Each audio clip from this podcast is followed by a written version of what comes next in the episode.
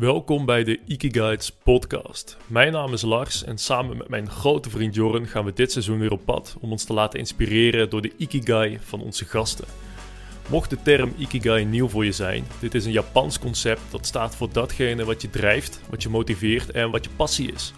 Kortom, het is de reden dat je iedere ochtend weer met frisse zin opstaat.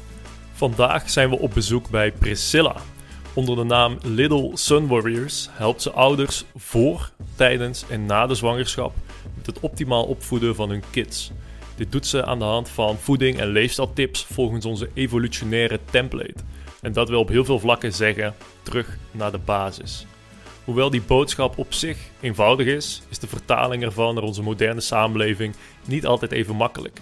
En dat is precies waarom we hier met Priscilla om de tafel zitten. We gaan beginnen. Let's go. Oké, Priscilla.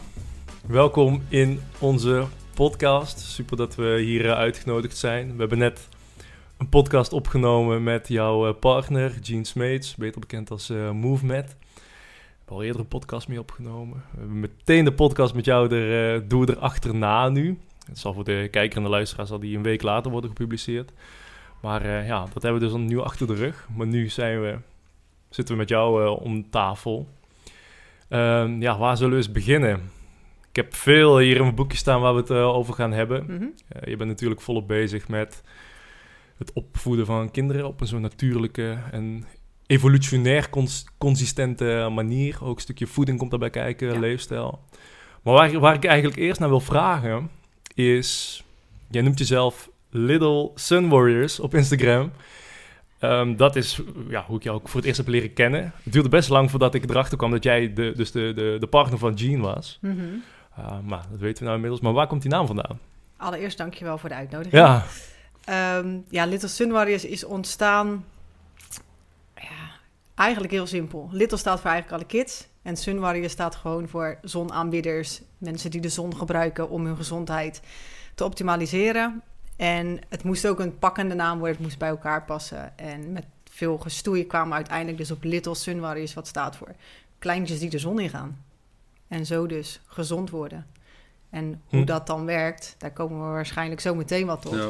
Ja. Maar het heeft, het heeft dus een link met de zon. Is dat ja. gewoon toen je zelf kinderen kreeg of, of, had je dat al veel langer? Nee, um, dat is... Little, Little Sun Warriors is sowieso pas ontstaan toen ik zwanger werd. Ja, precies. En daarvoor was ik wel bezig met gezondheid, maar had ik nog helemaal niet de link met hoe ga ik dat dan bij mijn kids doen? Hoe ga ik dat doen als ik zwanger ben? Ik was meer met mijn eigen reis bezig. En op een gegeven moment was ik zwanger en toen kwam ik er dus achter hoeveel kids er ziek zijn. Uh, één op de vier, waarvan je denkt, ja, dat hoort niet. Weet je, een kind hoort te rennen, springen, spelen.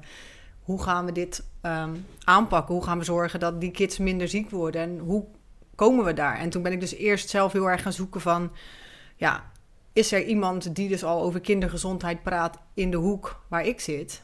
Dat was er gewoon niet. Of dat is er gewoon niet. En toen dacht ik, ja, als niemand dat doet en ik heb de kennis al die jaren al verzameld, waarom ga ik het dan zelf niet doen? Welke hoek is dat dan? Ja, je wordt gewoon als alternatief, zeg maar, ja, uh, bestempeld. Maar um, ja, gewoon kwantumbiologie, zonlicht betrekken bij gezondheid. Zo natuurlijk mogelijk uh, leven. Dus uh, zo min mogelijk bewerkt voedsel. Zoveel mogelijk buiten zijn. Grounden, uh, geen straling. Of zo minimaal mogelijk. Want geen straling is inmiddels in deze maatschappij al... Wordt lastig. Onmogelijk. Dus gewoon dat beperken. En op die manier zorgen dat die kids hun zenuwstelseltje gewoon zo goed gelegd wordt. Ja. Dat ze gewoon letterlijk een soort van ADHD krijgen, energiek zijn en uh, helemaal losgaan. Dat is wat gezondheid is. Energie hebben. Ja. En, en, die 1 op 4 kinderen ziek, zeg jij, is dat iets wat je vanuit je eigen leven zag gebeuren? Of is dat gewoon een statistiek die je... Dat is een statistiek, maar als ik om me heen kijk, um, hebben wij ook gewoon heel veel kids om ons heen die gewoon heel ziek zijn. Uh, en de dichtbijzijnde familielid van ons, die heeft leukemie gehad uh, hmm. toen ze vier jaar was dat is voor ons ook wel een omslagpunt geweest. Dat we zoiets hadden van, ja, maar hoe kan een kind van vier, wat zo schoon en zo rein op de, op de aarde komt, hoe kan het nou dat zo'n kindje kanker krijgt? Ja, daar hadden de artsen geen antwoord op. Nou, ik geloof niet dat daar geen antwoord op is, want er zijn allerlei factoren die daar een rol bij spelen dat zo'n kanker zich ontwikkelt. Want we kunnen allemaal kanker krijgen, maar het gebeurt niet. En dat is voor ons denk ik de eerste stap geweest in, oké, gezondheid, hoe werkt dat nou? Hoe zit dat nou? Hoe kan je dat nou oplossen zonder dat daar medicijnen of zalfjes op het hele medische circuit bij komt kijken? Dat moet anders kunnen. Ja. Ja. En dat kan dus ook. Is dat voor jullie echt zo gelijk opgegaan? Want je vertelde dat je tijdens je eerste zwangerschap je, ja, je echt dieper bent gaan graven in dit soort topics. Eh, ja, Gene, beter bekend als MoveMed, natuurlijk heeft zijn eigen praktijk. Waarin die mensen helpt beweegpatroon te corrigeren aan de hand van functional patterns. Dus die zat, die zat ook al in die hoek. Eh, heeft hij jou meegetrokken of was jij zelf ook al veel bezig met gezondheid? Hoe, ehm, Ehm, nou, hij heeft de eerste stap gemaakt. Ik heb voor Gene gewerkt. Ik heb ook functional patterns gedaan. Ik ben ook practitioner. eh, ah. Dus eh, we zaten samen al in het stuk gezondheid. Toen werd dus zijn nichtje werd ziek. Ehm, en toen zijn we eigenlijk samen nog dieper ingegaan. En eh, daarvoor was ik wel al bezig met mijn eigen gezondheid. Want ik heb heel lang jaren, eh, jarenlang migraine gehad. Echt Hm. twee keer per maand. En daar wilde ik gewoon vanaf. Maar niet door medica- de medicatie. De huisarts zei op een gegeven moment... hier heb je beta-blokkers. Dat ik zei, ja, maar wacht even. Waarom zou ik een beta-blokker slikken... als dat niet mijn oorzaak op gaat lossen. Dus toen ben ik verder gaan zoeken van... oké, wat houdt gezondheid dan in? Dus ik heb eerst mijn eigen gezondheidsprobleem opgelost. Toen, kort daarna, werd zij ziek. Toen kwam het functional patterns verhaal. En toen kwam eigenlijk de hele trucendoos die ging open. De doos van Pandora. Ja, hij is open, je kan hem niet meer dicht doen. Dus Ja. dan moet je die tools gaan gebruiken en integreren. En dan zie je je omgeving veranderen. En je gezondheid verbeteren. En je energie gaat omhoog. En nou, noem hem al maar op. En ja, once you see it, you can't unsee it. Dus ja, je kan op een gegeven moment ook gewoon niet meer terug. En dan, wat je antwoord op jouw vraag te geven is, zie je in je omgeving dus ook zoveel kids die eczeem hebben, allergieën, intoleranties, eh, reflux, eh, buikpijnen. Dat hoort niet bij een kind. Weet je, een kind hoort gewoon te spelen. Dus als, toen wij zagen dat zoveel kids in onze omgeving daar dus al last van hadden en wij de tools hadden om dat op te kunnen lossen, zijn we dat, of althans, ik ben dat dus eerst in mijn omgeving een beetje gaan testen van oké, als ik dit voor advies geef, wat gebeurt er dan? Als ik dit doe, wat gebeurt er dan? En die problemen verdwenen gewoon. Weet je wel, geen gekke hormoonzalfjes, geen pilletjes, geen noem maar op. Het, het kan gewoon zonder gedoe opgelost worden. En daardoor was ik tijdens mijn zwangerschap zoiets van... ja, maar hoe ga ik dat in mijn zwangerschap doen dan? Want dan komt in één keer, je mag dit niet, je mag dat niet. Je mag geen vis, terwijl vis juist super gezond is. Om dat hele immuunsysteem eh, goed te houden, om je vette voorraden goed te houden... waar je je babytje van gaat bouwen, maar ook je eigen voorraden goed van houdt. Je mag in één keer geen rauwe producten meer, die ik eigenlijk altijd al nam. Want dat is allemaal ook heel gevaarlijk voor het kind. Te veel vitamine A is gevaarlijk, te veel vitamine K2 is gevaarlijk. Ja, Is dat de reden? Want wat is eigenlijk de reden waarom al die producten af- Ja. worden afgeraakt? Misschien kunnen we die meteen even één voor één eh, nalopen. Want eh, nou, we, we doen dus elke podcast een vraagsticker waarbij mensen vragen Mhm. kunnen indienen. Er zijn heel veel vragen binnengekomen. Dit soort vragen zitten er ook altijd tussen. Eh, dus misschien dat we daar meteen even eh, mooi op in kunnen zoomen. Want je noemde net een aantal producten, vis. Eh jij zegt dat het heel gezond is. Ja. Maar er wordt dus geadviseerd om geen vis te eten tijdens de zwangerschap. dat klopt. Het is gevaarlijk om vis te eten tijdens de zwangerschap. Nou is dat ook zo als de kwaliteit van de vis niet goed is. De, de kweekvissen tegenwoordig zitten vol met troep. Vol met kwik, vol met aluminium, vol met allerlei afvalstoffen, gifstoffen, noem maar op. Die vis wil je niet eten. Want dat zorgt ervoor dat de bouw van je kindje minder soepel gaat. Maar als jij gewoon goede vissen hebt met het MSC-logo of nog beter, dan zijn die vetten juist nodig om je kindjes brein, darm en zenuwstelsel neer te leggen. Hm. En die drie heb je dus nodig om weerbaar te worden, om dat immuunsysteem aan te sterken. Dus ga je dat niet tot je nemen tijdens je zwangerschap, dan mis je gewoon essentiële bouwstoffen voor je kind. Dat is zonde als je die niet gaat nemen. Hetzelfde geldt voor mama. Als jij geen vissen neemt en je mist een stukje DHA, wat een stofje is wat in die vissen zit, ben jij dus ook jezelf aan het leegtrekken. En als jij leeg bent, ja, wat ga je dan aan je kind geven? Dus dan heb je een suboptimale start. Kijk, als je geen vis lust, zijn er heus wel alternatieven. Maar lust je wel vis, dan wil je eigenlijk zoveel mogelijk vis zo laag mogelijk uit de voedselketen nemen. En dan heb ik het over oesters, mosselen, garnalen eh, het meest. Want die bevatten het meeste DHA. Die zijn het vetst. Dus die wil je eigenlijk wel tot je nemen. Maar heel die cultuur is gebouwd op... ja, dat is niet goed, het is gevaarlijk... en rauwe producten zorgen ervoor dat je bacteriën krijgt. Nou, ik heb nog nooit voedselvergiftiging gehad... Hm. van goede spullen. Ja. Wel Ja. van de zwarma boer eh, aan het eind van de avond na een avondje stappen. Omdat het niet goed gebakken is, snap je? Ja. En eh, stel je krijgt voedselvergiftiging. Als je de getallen ziet van... ehm, wat dat bij, wanneer het pas bij het kindje komt dat het gevaarlijk wordt, dat is minder dan 1% in de gevallen dat dat gebeurt. Ja, ga je dan op die procenten geen vis eten? Of ga je de voordelen tegen de nadelen afwegen en denken van, oh wacht even, het heeft zoveel meer voordelen om wel vis te eten. Dus als jouw vis van goede kwaliteit is en je eet het eigenlijk dezelfde dag gewoon op, dan is het prima. Want is MSC een goede... Een beter keurmerk. Kijk, het liefst wil je gewoon biodynamisch of biologische vis. Maar als je die middelen niet hebt, want die prijzen zijn gewoon heel duur. Dus ik snap dat het voor sommige mensen ook gewoon Ja. niet haalbaar is. Dan wil je op zijn minst het MSC-logo. En die verkoopt de Albert Heijn ook. Ja. Dat is er gewoon. Wild, wild gevangen is een Exact. belangrijke. Ja, en in de buurt van Europa. Je wil ook niet vissen uit eh, Vietnam hebben. Want ja, ander soort water, niet jouw omgeving. Eh, het verwerkingssysteem werkt, werkt daar heel anders. Dus je wil eigenlijk Noord-Europa, Alaska, die hoek hebben. Zo lokaal mogelijk. Zo lokaal Ook- mogelijk. Ook in dit geval. Ja. Hey, en als we dan nog even bij vis blijven, wat, wat is dan exact de reden dat er wordt geadviseerd om dat niet tot je te nemen? Zit dat hem in de zware metalen en de, de vervuiling die in die vis zit? Of zit er ook nog een andere reden aan? Nee, dat, met name die twee. Maar omdat het rauw is, zijn ze bang dat je sneller voedselvergiftiging krijgt. Ja, dus het verhaal wat ik net... Ja, die bacteriën Ja. zijn dan gevaarlijk. Want stel je kind krijgt dat bacterie, kan het overlijden. Ja, ja, ja. Ja, en die kans is dus 0,003. Het is hetzelfde verhaal eigenlijk als met rauwe zuivel. Precies hetzelfde verhaal. Ja, en jij zegt dus, eh, ja, die kans is er, dat, dat ontken jij niet. Nee, die kans is niet. er.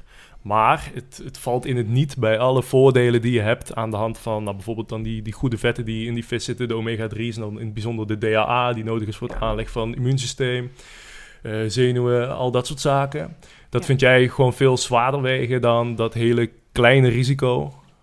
Wat? Juist, toen ik zwanger was, heb ik dus die overweging gemaakt van... oké, ga ik de rauwe vis wel of niet nemen... wetende dat het zoveel gezondheidsvoordelen voor mij en mijn kind heeft... of ga ik het niet doen omdat er een minder dan 1% kans is... dat die bacterie omslaat naar mijn kind. Nou, voor mij was die keuze heel makkelijk, eh, omdat ik die kennis had. En, maar er zijn heel veel ouders die hebben die kennis niet... en die krijgen dan dat verhaal te horen... het is gevaarlijk, pas op, doe het niet. Ja, dan snap ik dat je er niet voor kiest. Maar als je dus beide kanten van het verhaal kent, dan kun je dus een weloverwogen keuze maken van ik ga het nu wel of niet doen. En dat moet ieder ook gewoon voor zich weten.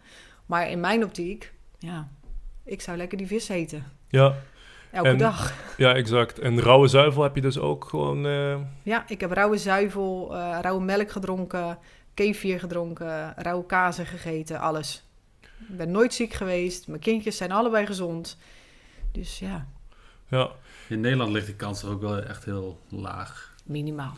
De hygiëne is hier zo goed. Ja, dat je, heb je wel eens iets uit de ge- gegeten en dat je dan vergiftiging opliep. Het is, bestaat bijna niet meer. Nee, nee. Nee, maar ik, eh, het zit hem hier ook eh, in, in dat rauwe gedeelte. Maar wat volgens mij ook een hele grote eh, kant van de medaille is, is hoe gezond jij zelf bent en hoe in, in balans jouw eigen microbiome is om dit soort potentiële risico's eh, ja, nog verder te minimaliseren. Ehm, maar goed, dat is weer een ander verhaal. Waar ik het Nee, ik denk dat dat een heel belangrijk aspect is. Want als jij niet gezond bent en al darmproblemen hebt... en je hebt al een lekkende darm en je gaat rauw eten... ja, dan kan je er wel op reageren. Dus het is heel erg belangrijk als moeder zijnde... en ook als vader zijn... dat je voor conceptie en tijdens die zwangerschap gewoon zorgt... dat jouw gezondheid hier zit. Dan ben je toleranter voor al die producten... Dus is de kans op complicaties nog minder groot. Ja. Dus het is wel een heel belangrijk aspect. Ja, dus misschien ook goed om eh, erover na te denken op het moment dat je zwanger wordt of zwanger gaat worden. En of je dit soort producten wel of niet tot je gaat nemen. Dat je goed beeld hebt van je eigen gezondheid en je eigen context op dat moment. 100% Je wil gewoon weten, hoe, hoe sta ik ervoor? Sta ik met 1-0 achter? Ga ik een zwangerschap in? Wat voor complicaties heeft dat voor mijn kind of Maar gevolgen? hoe weet je dat als je niet zo bewust bezig bent met die dingen? Nou, ik, wat, je, wat je sowieso in eerste instantie kan doen, is gewoon eens een week bijhouden, wat eet ik nou? En als daar elke dag granen en gepasteuriseerde zuivel in zit, dan weet je eigenlijk al, oké, mijn darmmicrobioom is niet top. Dat zijn gewoon twee producten die sowieso ontsteking in je darmen geven. Daarnaast is het, kijk eens een week, hoe ziet jouw poep eruit? A, hoe vaak poep je? B, is het plakkerig? Of als je afweegt, hoef je maar één keer af te vegen en je bent schoon. Je wil zo min mogelijk op je wc-papiertje hebben. Dan weet je dat je microbioom doet wat het moet doen. Heb jij veel diarree, dan weet je ook dat je microbioom niet top is. Ja, leg er eens een Bristol eh, stool chart naast. Juist, inderdaad. Leg die er gewoon. Maar kijk ook eens naar je huid. Weet je, hoe ziet die eruit? Is die, is die gaaf? Of heb je heel veel pukkeltjes? Ehm, eh, als je scheten laat, stinken ze ja of nee? Want dat zegt ook iets over hoe je darmgezondheid is. Die scheten horen niet naar rozen te ruiken, maar het hoort ook niet te zijn Nou dat het ja. lijkt alsof er iets aan het vergaan is in je darmen, Hmm, zeg maar. Heb ik in te denken. Hmm. Mm, ja. Dus daar, daar heb je ook al iets waarvan je denkt, oké, Ja. hoe is dat? En hoe energiek ben je? Hoe sta je op? Sta je energiek op? Of ben je eigenlijk al helemaal uitgeput als je wakker wordt? Dat zegt ook iets over Ja. je gezondheid. En hier hebben we het dus eigenlijk al over de voorbereiding op de voorbereiding voor de zwangerschap. Exact. Eh, want misschien is het goed om daar even wat structuur in te brengen. Want het lijkt me Mhm. heel erg interessant om te gaan kijken naar wat zijn de dingen die je kan doen eh, voor je zwangerschap, tijdens de zwangerschap en dan net na de eh, bevalling, de geboorte. En die eerste, eerste jaren van opgroei van je kind. Ja, nu hebben we het dus over de voorbereiding van de voorbereiding. Jij zegt dat is echt een prachtig moment om je bewust te gaan worden van hoe sta ik er zelf voor. Zeker, Hoe ja. is het fundament waar ik eh, ja, een kind op wil gaan laten groeien, in gaan laten groeien? Mhm. Heb je daar nog meer tips voor? Wa- Wat, wat, wat zijn dingen die jij zelf hebt gedaan in die periode, in die fase? Ehm, drie jaar voordat ik zwanger wilde worden, ben ik gestopt met eh, anticonceptie. Dat was puur omdat ik gewoon alle hormonen mijn lijf uit wilde hebben en wilde dat mijn hormoonsysteem deed wat het zou moeten doen. Eh, dus dat was mijn stap één. Daarna ben ik mijn eigen trauma's gaan helen. Dus ehm, ik heb een vaderwond, die heb ik opgelost. In zoverre dat op te lossen is. Ja, want het ja, je is- knalt dat er zo e- even Oh. op. Dat is natuurlijk niet iets wat je in één keer doet. Nee, maar, zeker eh, niet. Daar ben ik drie jaar mee bezig geweest. En daar Ja. ben ik nog mee bezig. Weet je, dat zijn topics. Dat is, dat is, jouw, dat is mijn fundament. En dat los je nooit volledig op. Maar hoe meer vrede je daarmee hebt, hoe minder de kans is dat je het doorgeeft aan je eigen kinderen. Dus ik ben daarmee gestart van oké, ik ga mijn eigen trauma's helen. Dus dat heb ik gedaan. Ehm, Heel even de deur dicht doen. Ja, Ja. praten door. Oké, en ehm, daarnaast ben ik dus toen de tijd mijn migraine op gaan lossen. Omdat ik wist dat dat kwam uit een stukje hormonale disbalans. ehm, wat dus ook gelinkt was aan die anticonceptie. Want toen ik daarmee stopte, werd mijn migraine sowieso al minder. Ik ben mijn voeding aan gaan passen, eh, meer naar buiten gegaan, anders gaan eten. Dus dat waren eigenlijk mijn stappen. Dus ik vat hem even kort samen. Ik ben gestopt met anticonceptie, ik ben trauma's gaan helen, ik heb mijn voeding aangepast, mijn eigen gezondheid verbeterd en meer buiten geweest. Dat zijn de vijf dingen die mij Is er ook erg... iets opgevallen wat, toen je stopte met de pil, wat je, waarvan je direct zegt, ah, dit, dit veranderde direct? Of voelde ik een andere persoon, een andere persoonlijkheid, een andere... Ja, Ja, ik- Misschien wel met je partner. Sommigen hebben dan in één keer behoefte aan een totaal andere partner dan die ze hebben. Eh, Ehm, nee, daarbij? dat had ik niet. Dus het was niet dat mijn partnerkeuze in één keer anders werd. Jean mocht blijven. Jean mocht blijven. Ehm, maar mijn libido die ging in één keer heel erg omhoog. Dat ik ineens dacht, wacht even. Sorry voor de kijkers, maar dit is wat het is om geld te zijn. Ja. Hè, kan dat? Kan dit? Wat is dit? Weet je wel? Ik ben geil. Ik wil een keer, weet je? Normaal gesproken was het van, ja, oké, we gaan. En nu was het gewoon wat. Hey, die, die, die hormonen gingen in één keer doen wat ze moesten doen. Dus dat veranderde enorm. En ehm, als ik nu terugkijk, heb ik heel erg het gevoel dat mijn emoties toen heel vlak waren. En nu ervaar ik echt pieken en dalen. En dat ik dacht, zo, wacht even, dit zijn pas emoties. Dit is pas gevoel. En dat is zeg maar wat voor mij het meeste impact heeft gemaakt. En als ik daarnaar terugkijk. En dan die migraine die gewoon in één keer van twee keer per maand terugging naar één keer in de twee maanden. Hm. Dus dat was een hele, Ah. hele ommezwaai. Terwijl ik die pil, dat is misschien heel grappig, ooit heb genomen van, op advies van de dokter voor die migraine. Ah, dus het is ook nooit weggegaan. dan? Het is nooit weg geweest, nee. Nee, bizar. hè? En pas toen ik stopte, werd het minder. Ja, dat is best wel flinke, flinke verandering Ja. die meteen oppopte. Enorme verandering, ja, Ja. zeker. Ja. Oké, nou dan denk ik dat je de belangrijkste dingen voor jou van de voorbereiding op de voorbereiding hebt genoemd. Ja, En- de, de, de vadertrauma vind ik ook wel interessant. Ja, Want eh, ja, tenzij je er niet Nee over of zo. prima. Want, want hoe gaat dat dan? Hoe, hoe kom je erachter dat daar jouw pijnpunt ligt? Nou, mijn, mijn vader is weggegaan eh, bij mijn moeder toen ik 21 was. Dus het is niet dat het bij mij in mijn kinderjaren is geweest. Maar als 21-jarige zit je echt nog midden in een soort van... wie ben ik, wat ga ik doen? Eh, en je vader gaat dan ineens weg.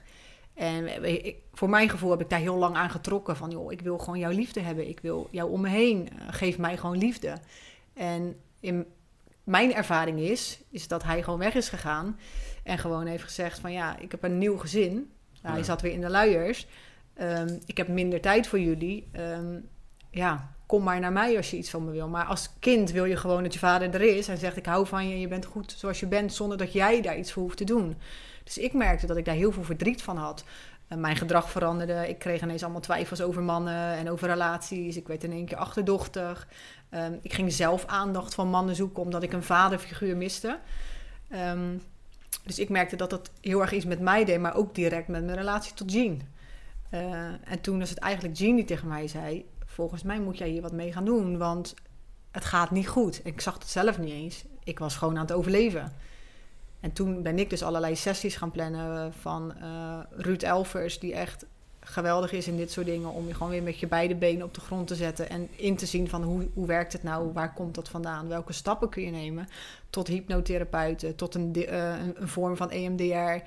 om echt die emotie eraf te krijgen. Want altijd als ik het over hem had... Ja, ik ging altijd huilen. Ik raakte helemaal Hm. overprikkeld. Ik wilde het er niet ook kop in het zand steken, dat soort dingen.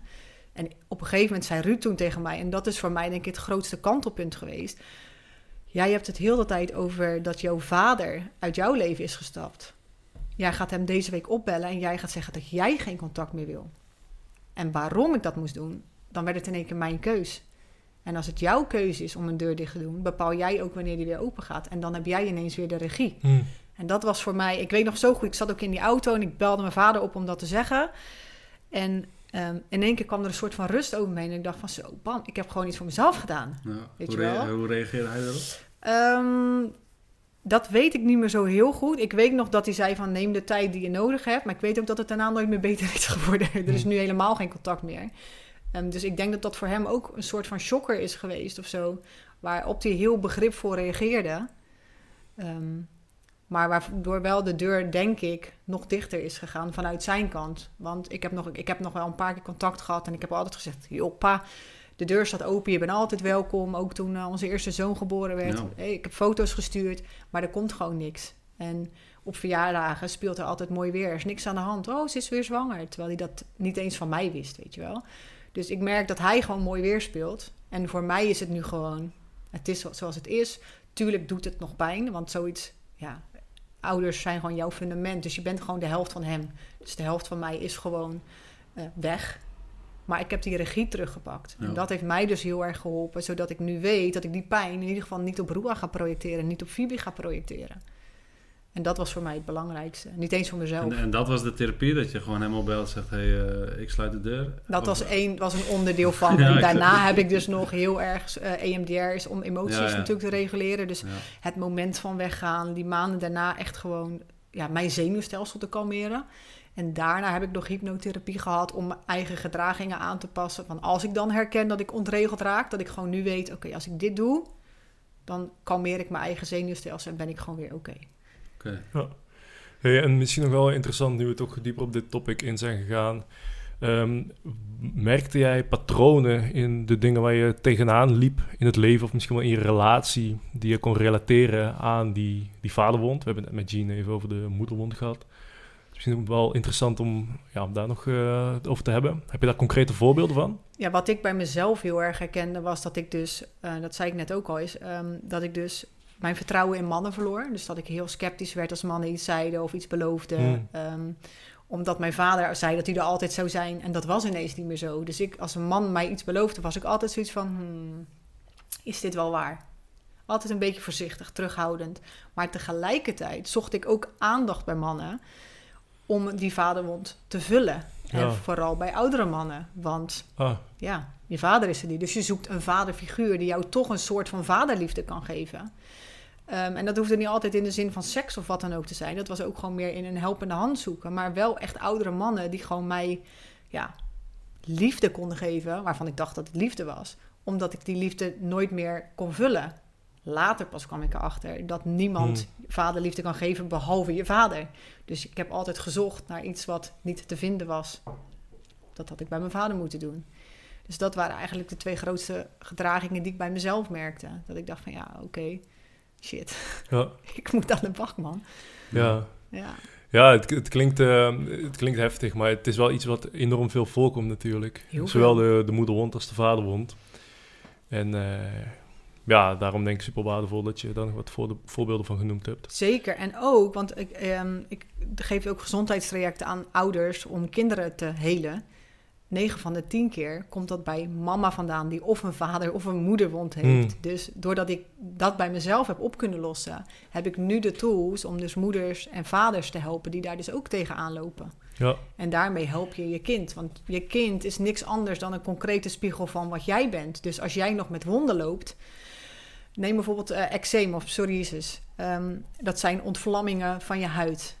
Nou, je huid is je grootste orgaan. Een ontvlamming is letterlijk gekoppeld aan de emotie verdriet of woede. Wat 9 van de 10 keer getriggerd wordt door een vader- of moederwond. Dus als moeder en vader die wond kunnen helen, dan zie je soms gewoon, in 9 van de 10 gevallen, dat die eczeem of die psoriasis bij die kinderen veel minder wordt. Omdat die woede niet meer gespiegeld wordt vanuit moeder en vader. Hm. Dus die huid kan eindelijk rusten. Dat immuunsysteem kan eindelijk dat doen, weet je wel. In plaats van altijd maar in die woede zitten en in dat verdriet van ja, die, die ouders die dus daar dus mee rondlopen. Ja. Dus het is, dat is misschien nog wel het belangrijkste in gezondheid. Trauma's helen. ja dat is een interessante, ja, hoe, hoe een trauma zich kan uiten in ja, een letterlijk fysiek, fysiek probleem. Nou, ja, ik heb het zelf nu. Ik heb vorige week de ultramarathon gedaan en ik heb deze week ook overal weer, eh, weer plekken komen in één keer boven. Dan kan ik dat niet echt relateren aan woede of... eh, maar ja, wel vanuit die enorme stress hoor, dat het in één keer mijn huid weer slecht is geworden deze week. Tuurlijk, zo'n ultramarathon is gewoon een uitputting van je hele systeem. Dus die moet keihard werken. Tuurlijk komen er dan dingen naar buiten. Dus Ja. het kan ook een stressor zijn op lichamelijk vlak. Het hoeft niet altijd mentaal te zijn. Ja, Ja, dat hadden wij het over. De- eh, Zo'n ultra is meer mentaal dan fysiek eigenlijk. Dus het zou, het zou, het zou, het zou zomaar kunnen, ja. hey, en ehm, nou, als we dan even fast forward gaan, of misschien is het niet zo fast, misschien is het ook niet zoveel forward, maar op een gegeven moment krijg je dan het idee van, oh, nou, we- het zou me leuk lijken om kinderen te hebben. Ehm, dan ga je dat proberen. Bereid je je daar op een bepaalde manier ook al op voor aan de hand van voeding, eh, leefstijl? Of komt dat overeen met de dingen die we zojuist besproken hebben? Dat komt voor grote lijnen komt dat overheen. Ja. Alleen ehm, wat mijn advies zou zijn, is als je zwanger wil worden. En eh, dan wil je natuurlijk dat je bouwstoffen zoveel mogelijk gestekt zijn. Dus je wil zoveel mogelijk voorraden hebben om die conceptie. En die eerste weken waarin dus dat brein, zenuwstelsel en die darmen eigenlijk de basis leggen. Wil je gewoon zorgen dat jouw vetvoorraad mega hoog is. Dus dan zou ik zeggen vis, vlees, eieren tot je ze niet meer kan zien. Ja, Gewoon echt alleen maar dat. Want je kind bestaat ook voor 90% uit water en uit vet. Dus als je die twee gewoon maximaliseert, waarbij het water dan natuurlijk wel van goede kwaliteit moet zijn. Je moet geen kraanwater tot je nemen waar allemaal ellende in zit. Maar als je gewoon zorgt dat je drie liter water per dag gaat drinken, dat je mineralen daarin juist zijn. Dus Celtisch zeezout en forfinezuur. En dan mega veel vetten gaat eten. Ja, dan zorg je dat jouw voorraad zo goed is, dat als die baby er eenmaal is, dat bij die conceptie ook in één keer boem, die, een lichtflits ontstaat. Waardoor Ja. dat kind gewoon gelijk goed, ge- goed gelegd wordt, zeg maar. Ja, precies. En je zegt tot de max innemen, maar wel... Want ik kan me voorstellen dat er mensen luisteren en denken van... Oh, ik moet als een gek eh, gaan eten tot ik erbij neerval. Of is dat nog wel gewoon binnen je natuurlijke appetite? Of heb jij echt eh, van alles liggen, naar binnen liggen stampen? Nou, ik zou zeggen, je ontbijt moet zoveel zijn dat je denkt, "Pff, kan niet meer. Ja. Dat je echt voor die heel die dag die voorraad al hebt aangevuld. En dan wanneer je honger hebt. Dus als je hongergevoel dan opkomt, dan neem Ja. je iets totdat je verzadigd bent. En dat is natuurlijk voor iedereen anders. Maar dat ontbijt mag echt wel maximaal zijn. Want het ding is ook, het is een beetje een technisch verhaal. Op het moment dat eh, jouw stresshormoon heel hoog is, en dat is in de ochtend is die het meest, want je moet wakker worden.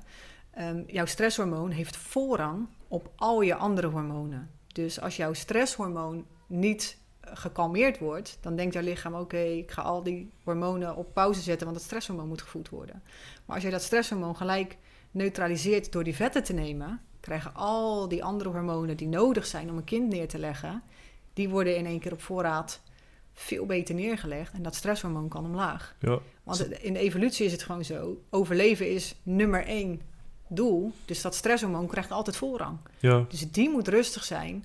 En dan pas komen al die andere hormonen kijken. Dus vandaar dat ontbijt, boem, vol met vetten.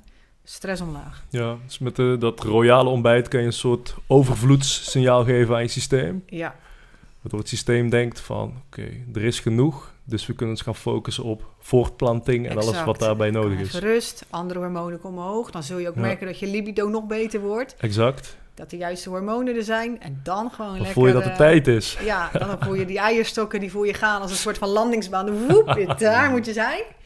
En dan knallen. Ja, Ja, letterlijk. Want nog, eh, even, nog even snel over dat water, want dat is een van de vragen die ik zo vaak krijg, is, is eh, wat is een goede filter? Daar heb je waarschijnlijk dan veel eh, onderzoek naar gedaan. Zeker, ja. Er zijn twee filters waarvan ik zeg, ehm, en dat is omgekeerde osmose. Eh, die zijn goed. We hebben er hier een staan, dat is Aquatru. Die is in Nederland het makkelijkste verkrijgen.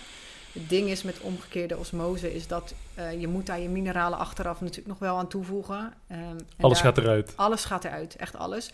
Dus je wil zeezout toevoegen, omdat dat, dat, dat het enige zout is wat de mineralen bevat die het meest lijken op die van je cel. Ehm, alle andere zouten drogen je uit, dat wil je natuurlijk niet. En fulvinezuur, omdat dat weer an- allerlei andere sporen bevat die je tot je wil nemen. Wat is dat, fulvinezuur? Dat is een zuur wat van de bergen af is gedropen. En ja, het zijn elementsporen die daarin zitten verwerkt. Het is een beetje gelig, dus hoe meer je erin gooit, hoe geler je water wordt. Maar die mineralen zorgen ervoor dat je cel natuurlijk doet wat het moet doen. Eh, de omgeving van je cel bepaalt je gezondheid, hoe je energie draait. Ehm, en dat lijkt het meest op dat wat in de cel zit, samen met, of, eh, met dat Celtisch zeezout. Dus die twee gooi je bij je water. En eh, op zo'n dopje staat dan, oké, je moet één dopje op zoveel. Gooi er maar lekker in, want heel veel Nederlanders hebben een chronisch tekort aan mineralen. Dus het maakt niet uit hoeveel je erin doet. Eh, je moet het niet puur drinken. Dat is natuurlijk even de nuance in dit verhaal. Maar die twee wil je toevoegen. En wil je het beste van het beste, dan wil je Omnica hebben. Die is uit Amerika te verkrijgen. Die prijs is ook wat duurder. Maar die kan je bijvoorbeeld ook op je hoofdkraan toepassen. Dus dan kan het, je hele huis eh, op dat filter werken. Dat vonden wij het niet waard. Wij hebben gewoon daar een filtertje staan. Want wat voor prijs eh, heb je Ehm, volgens mij zijn de ik weet het niet uit mijn hoofd hoor. De filters zijn volgens mij alleen al 600 dollar. En dan heb je nog niet eens het apparaat zelf. Ehm, dus volgens mij kom je dan op echt richting 2000 euro Ja. of zo. Dus dat is natuurlijk best prijzig. Kijk, als je altijd je water koopt, hou je het er zo weer uit. Maar de levering uit Amerika duurt langer. Je hebt invoerrechten. Aquatru is prima. Prima vervanger. Het beste wat hier te bekrijgen is, zeg maar. Duidelijk. Een eh, kleine wateruitstap. Maar we waren gebleven bij eh, het moment om te knallen. Nou, dan ben je zwanger. Feest, blij. En waar ga je dan op letten? Zon. Dan ga je die zon in, maximaal. Zonder zonnebrand. Met name de ochtend- en de avondzon. Om die tolerantie eerst eens even op te gaan bouwen. Maar ook die middagzon. Want zonlicht penetreert echt tot centimeters diep in jouw huid. En je wil je kind letterlijk beschijnen met licht. In combinatie met de vetten die je eet. Eh, omdat de botsing van zonlicht op vet zorgt voor het kunnen geven van de juiste nutriënten aan je kind. Zonlicht zorgt er ook voor dat de kans op diastasis afneemt, omdat je dopamine krijgt door zonlicht. Dus die, die spieren moeten na een bevalling weer terug gaan trekken. Diastase is een... eh, Is, eh, is dat je buikspier eh, een opening houdt, waardoor je dus als je op een gegeven moment je buikspieren aanspannen niet meer omhoog kan komen. Je kan plasproblemen krijgen, je kan bekkeninstabiliteit krijgen. Dus dat zonlicht is super belangrijk op voorbereiding tijdens die zwangerschap, op wat er daarna gaat gebeuren. Maar dat doe je tijdens je zwangerschap. Dus dat zonlicht wil je constant op die buik. Je wil niet verbranden, dus eigenlijk zou dat zonlicht ook in het proces ervoor al gezien moeten worden. Eigenlijk altijd. Ehm, maar complicaties als een keizersnee worden, of eh, eh, de gevolgen van een keizersnee worden minder groot. De kans op een keizersnee wordt minder groot door zonlicht. Die diastase kans neemt af. Afwijkingen van je kind nemen af als je dat zonlicht ziet. Hoe, hoe worden de kansen op een keizersnede minder groot? Heb je daar eh, een dat concreet heeft- beeld bij? Dat heeft dus ook te maken met, eh, met die dopamine. Die dopamine zorgt ervoor dat die spieren in jou doen wat je moet doen. Je hebt dopamine nodig om samen te strekken en om te ontspannen. ja. Ehm, dus Je hebt zonlicht nodig om dopamine aan te maken. Exact, Even- ja, dat is dat hormoonverhaal. Dus Ja. ehm, zonlicht bepaalt eigenlijk al je hormonen in je systeem. Dus mis jij zonlicht, dan kun je ook die hormonen niet aanmaken op het juiste tijdstip. Dus dopamine hoort daarbij. Ehm, en een keizersnee, en niet in alle gevallen, hè, want soms is het gewoon, eh, is het wat het is en is er nood en moet er een keizersnee? Daar, in sommige gevallen kun je niks aan een keizersnee doen. Maar een keizersnee gebeurt ook heel vaak uit nood, omdat je kind zijn draai niet kan maken. Of dat die, we- die, we- die weeën niet sterk genoeg zijn, dat het persen niet lukt. En dat hangt wel aan dopamine. Omdat je dan je spieren moet aanspannen, omdat die bekken open moeten, je moet loslaten. Heb jij dus die voorwaarden nooit gecreëerd, is de kans letterlijk op een keizersnede groter. Ik denk dat niemand ervoor zou kiezen om op voorhand te zeggen: Nou, als ik ga bevallen, wil ik een keizersnee. Ik niet in ieder geval. Ehm, zeker omdat je daarna natuurlijk ook gewoon langer moet revalideren. Je kan minder met je kind, je mag minder. je- dat, ja, in de ideale setting wil je dat niet. Dus dat zonlicht is echt essentieel om die dopamine te stekken, zodat die kansen kleiner worden. Evenals bekkeninstabiliteit, wat je als vrouw ook gewoon niet wil tijdens een zwangerschap. Ehm, ik heb het gelukkig nooit gehad, maar als ik naar vrouwen om me heen kijk en ik heb een hele tijd als fysio gewerkt, als ik zie hoeveel last vrouwen hebben gehad van die bekkeninstabiliteit, en ongemak, ja, dat wil je ook gewoon niet. Dus dat kun je ook voorkomen door dat zonlicht te zien. Diastase, hetzelfde verhaal, ook, hangt ook aan het spierstelsel. Dat wil je gewoon optimaliseren. Dus zonlicht, dan die vetten weer eten om die bouwstoffen die je gaat gebruiken om je kind te maken hoog te houden. Dat heb je natuurlijk in dat voortraject al gedaan. Maar die moet wel hoog blijven. Dus Ja. je moet die vetten blijven eten, die omega-3 vetten. Dus dat doe je. En ehm, die vitamine K2, dus die rauwe producten, die rauwe kaas, rauwe melk, die wil je ook voorradig hoog hebben. Want als het kind er straks is, komt het advies. Joh, ik heb hier een heel mooi supplement voor je kind. Vitamine D en vitamine K. Ja, en Als je- Als jij ze- zonlicht ziet en die producten eet. En je hebt de vetvoorraad waarmee je het door kan geven aan je kind. Want dat is wel een belangrijke. Je kan alleen de vitamine D en de vitamine K doorgeven aan je kind. Als jij genoeg vetten eet en zonlicht ziet. Dus dan hoeft zo'n supplement na zo'n bevalling hoeft niet. Ze wilden, ze wilden er injecties van gaan maken, had ik gelezen, Ja. van de vitamine K. Niet te doen. Dan ga je dus een kind wat net geboren is, ga je gelijk al een spuitje geven. Ja, meteen door alle eh, checkpoints heen. Door pats. alles heen. Ja, dus als jij, kijk, ehm, vitamine K heeft een functie. Hè? Laat, laten we dat even voor opstellen. Dat heeft te maken met, eh, met hoe je bloed is en of de stolsels komen, ja of nee. Tuurlijk wil je niet dat je kind bloedstolsels krijgt. Maar ehm, als jij als ouder de voorwaarden hebt gecreëerd om die vitamine K A te eten tijdens je zwangerschap en B door te kunnen geven, dan is het niet per se nodig om te supplementeren. Maar komt het zo vaak voor dan dat er stolsels komen? Dat het... Zelden. Ik heb de cijfers opgezocht. En van de 100.000 kids krijgt 0,003% krijgt een bloedstolsel. En daarvoor moet iedereen zo'n prik hebben. En daarvoor moet iedereen zo'n prik hebben. En wat doet zo'n prik dan? Want ik neem aan dat je dan een, een dikke berg eh, naar binnen spuit in één keer. Exact. Ja, volgens mij is nu nog de keuze suppletie of prik. Je hebt altijd een keuze. Dus je kan ook kiezen om het niet te doen. Ja, ja. Dus je hebt de keuze niet eh, prik of suppletie. En de suppletie is gewoon via een druppeltje op de tong.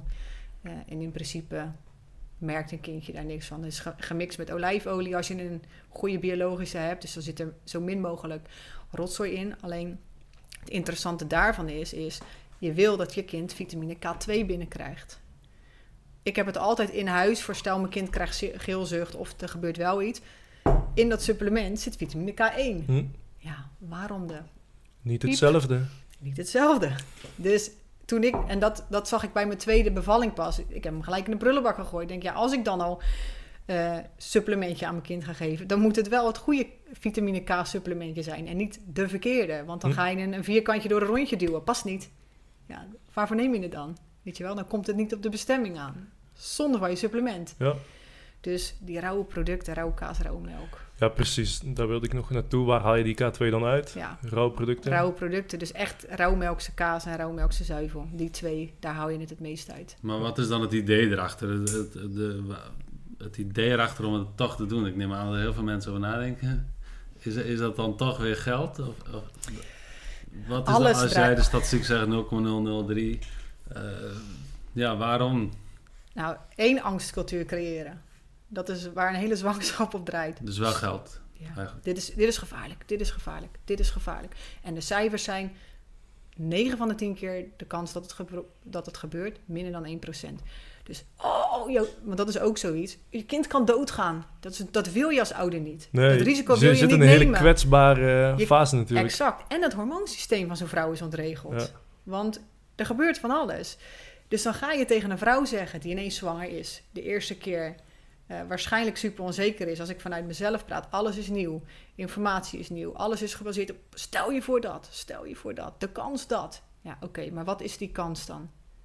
Hoe vaak gebeurt het nou nog in Nederland? En als je kind zo'n stolseltje krijgt door bijvoorbeeld vitamine K wat niet goed gaat, is het dan te behandelen? Ja, dat is ook gewoon te behandelen. De kans dat kinderen overlijden is ook nieuw. Het gebeurt bijna niet meer. Maar ooit is dat bedacht met een studie en die kans bestaat, dus we verdienen er geld aan, dus we blijven het pompen. Hm. Alles draait uiteindelijk om geld. En ehm, dat is het hele interessante. Geef jij borstvoeding, dan wordt er niet aan jou verdiend. Nee. Kunstvoeding wel. Geef jij prikjes, wordt er aan jou verdiend. Geef je geen prikjes, wordt er niet aan jou verdiend. Ga jij je eigen voorbereiden op een zwangerschap en is je gezondheid goed, dan gaat heel die zwangerschap en bevalling goed, wordt er niet aan jou verdiend. Ga je thuis bevallen, wordt er niet aan jou verdiend. Pas als je in het ziekenhuis bevalt, Nou, verdienen ze geld. Dus ze gaan alles op angst gooien. je, cre- je creëert daarmee gewoon een probleem en je verkoopt de oplossing. Exact. Dat is wat mij ook steeds verteld was met die echo's. Als er echt maar bij ons dan eh, ging het op 0,1 mm met de placenta weer zeggen, ah eigenlijk moet je nog een echo doen. Dan kunnen we het misschien beter zien of nog een. Dat bijverkoop binnen de, de babywereld Ja. is enorm. Dat is in de babywereld met trouwen en met sterven. Dat zijn de drie evenementen in het leven waar het meeste geld op wordt verdiend. Ja. En dat is, slaat natuurlijk gewoon nergens op. Zeker bij een zwangerschap niet. Je maakt ouders in mijn optiek onnodig bang. Ja. Omdat je maar één kant van het verhaal vertelt. Maar als je nou eens eerlijk bent over de statistieken, dan kom je er vaak achter dat de overweging eigenlijk wel meevalt als je voor niet zou kiezen of zou wachten. Of zou Ja. zeggen van, laten we eerst maar eens kijken hoe het kind het doet. Laten we eerst maar eens kijken hoe mama zich voelt. Wat gebeurt er dan? In 9 van de 10 gevallen, niks. Ja. Dan gaat het gewoon goed. Ja, dat is toch zo gek. Je hebt zoveel mensen op de wereld gehad ook. En zoveel mensen kunnen het. Precies. Alleen eh, ja, nu ik zo in het traject zit, wordt er alleen maar aangestuurd op wat er fout ga- kan gaan. Maar dat zit ook bij de mensen in hun hoofd. Want in je eigen omgeving krijg je ook alleen maar eh, van dat soort opmerkingen van... Oh, wat als? Oh, dit. Oh, heb je dat wel? Oh, dat. Eigenlijk totaal niet van wow, wat, eh, wat gaaf, eh, gefeliciteerd, je bent zwanger, dit, bla, bla, bla. Precies. Eh, puur meteen al zit het erin geprent van... Oeh, maar nou kan er van alles misgaan. Want dat is even een vraag aan jou. Als mensen jullie ehm, voor het laatst zien of denken te zien voor de bevalling, wat zeggen ze dan? Tegen je, tegen je vrouw. Ja, dat moeten we de- denk ik nog meemaken. Oh, maar in Dan mijn ik straks op als ervaring, wij nu Dat meteen moet je maar gaan, eens doen, wat jij zegt. in mijn ervaring was het sterkte. hè? Terwijl ik denk sterkte. Zeg gewoon, geniet ervan. Ja. Een bevalling, ik heb het twee keer mogen doen. En de eerste keer was veel zwaarder dan de tweede keer. De tweede keer heb ik het thuis gedaan, hoefde ik niet naar het ziekenhuis. In het eerste geval moest ik lesminute naar het ziekenhuis, want hij kwam er niet uit. Eh, maar ik heb er gewoon van genoten, ondanks alles wat er is gebeurd. Het is zoiets moois dat je dat als vrouw mag ervaren. Eh, dus ja, dat is een leuke om even in de gaten Ja. te houden. Wat zeggen ze nou? Zeggen ze nou succes of geniet ervan? Of Zet zeggen hem ze op. allemaal sterkte hoor? Hè? Zeg je ook Je als iemand is het. overleden. Zeg je ook. Kom op hé. Maar even twee dingen die bij, bij mij opkomen. Eh, ja, jij zegt dus dat je bevalling ja, best wel eh, een, een mooie ervaring was. Ehm, maar heel veel vrouwen, die hebben ook daadwerkelijk een ja, verschrikkelijk stressvolle, pijnlijke ervaring. Tuurlijk doet het pijn. Het is de ergste pijn die je ooit gaat ervaren. ja. Maar wat je ervoor terugkrijgt en met welke mindset je erin gaat, dat scheelt gewoon enorm. Kijk, de eerste keer wist ik niet wat me stond eh, te wachten. Dus toen was ik veel zenuwachtiger. Ik dacht van, oh shit, dadelijk lukt het niet. Of ging toch een beetje in mijn hoofd zitten, kon me niet overgeven. En een bevalling is niks anders dan overgeven. Dat is waarschijnlijk ook waarom bij mij de persfase niet lukte. Omdat ik dat laatste stukje niet over kon geven. Hmm. Het lukte me letterlijk niet. Ik was uitgeput, ik was moe, ik was al heel de nacht bezig. Toen heb ik gewoon hulp gekregen. Dat is heel fijn als je denkt dat het niet lukt. Achteraf denk ik. Hulp in welke ik vorm? moest naar het ziekenhuis. Na een uur persen is er een protocol. Heb je het weer, protocol. Je moet naar het ziekenhuis, want het wordt nu gevaarlijk. Nou, ik deed het heel goed. Ik was alleen een beetje moe en die kleine deed het ook goed. Dus achteraf denk ik, wat nou als ik even had gewacht? Wat nou als ik even een pauze in had gelast? Was het dan wel thuis gelukt? Ja, in het ziekenhuis is het knippen, pomp, hup, daar is je kind. Dus ik heb dat laatste stuk nooit bewust meegemaakt. Maar de tweede keer wist ik wat er ging komen. En binnen drie uur heb ik zonder dat iemand me aan heeft geraakt, mijn eigen kind aangepakt in bad. Niemand heeft zich ermee bemoeid. Wat was er anders? Puur mijn mindset. ook wel dat hij eerst een beetje de weg had vrijgemaakt natuurlijk, want zo werkt het ook gewoon. Hm. Maar ehm, mindset en dat soort dingen, overgave, kunnen overgeven, dat is ook gewoon heel belangrijk. Dus ja, zo'n bevalling, ja, het is iets super moois. Ik denk het mooiste wat een vrouw, maar ook een man gaat meemaken. Want je ziet je vrouw iets doen, je kan niks. Dan is het er en dan denk je, in één keer, oh, ze heeft het even geflikt. Ze heeft gewoon mijn kind op de wereld gezet. Bedankt, weet je wel. Bedankt dat je dit voor mij hebt gedaan. Dat is gewoon mooi. Dat ga jij ook gewoon nog voelen. Dat is gewoon top. Ja, ja de, de verloskundige voorspelde dat ik ging huilen. Of ga huilen. Oh. Dat moet ik nog zien. Nou, daar Gene daar wil ik al beelden gehuild, van. hoor. Daar wil ik al Ja. beelden van. Ja, bij de eerste heeft hij gehuild. Toen was er in één keer ontlading van... Oh, bedankt, het is er. Je hebt me een zoon gegeven. Dit is zo'n mooi cadeau. Weet je, het is, maar het ook de ontlading van de stress eigenlijk. Tuurlijk. Omdat jullie toch eh, toch ineens naar het ziekenhuis Ja. moet. Ja. Hij heeft wel wat tranen gelaten. En dat is, eh, als je dat als vrouw ziet, is het natuurlijk nog mooier. Nog Ja. mooier cadeautje. Dat je man ook echt Hm. gewoon...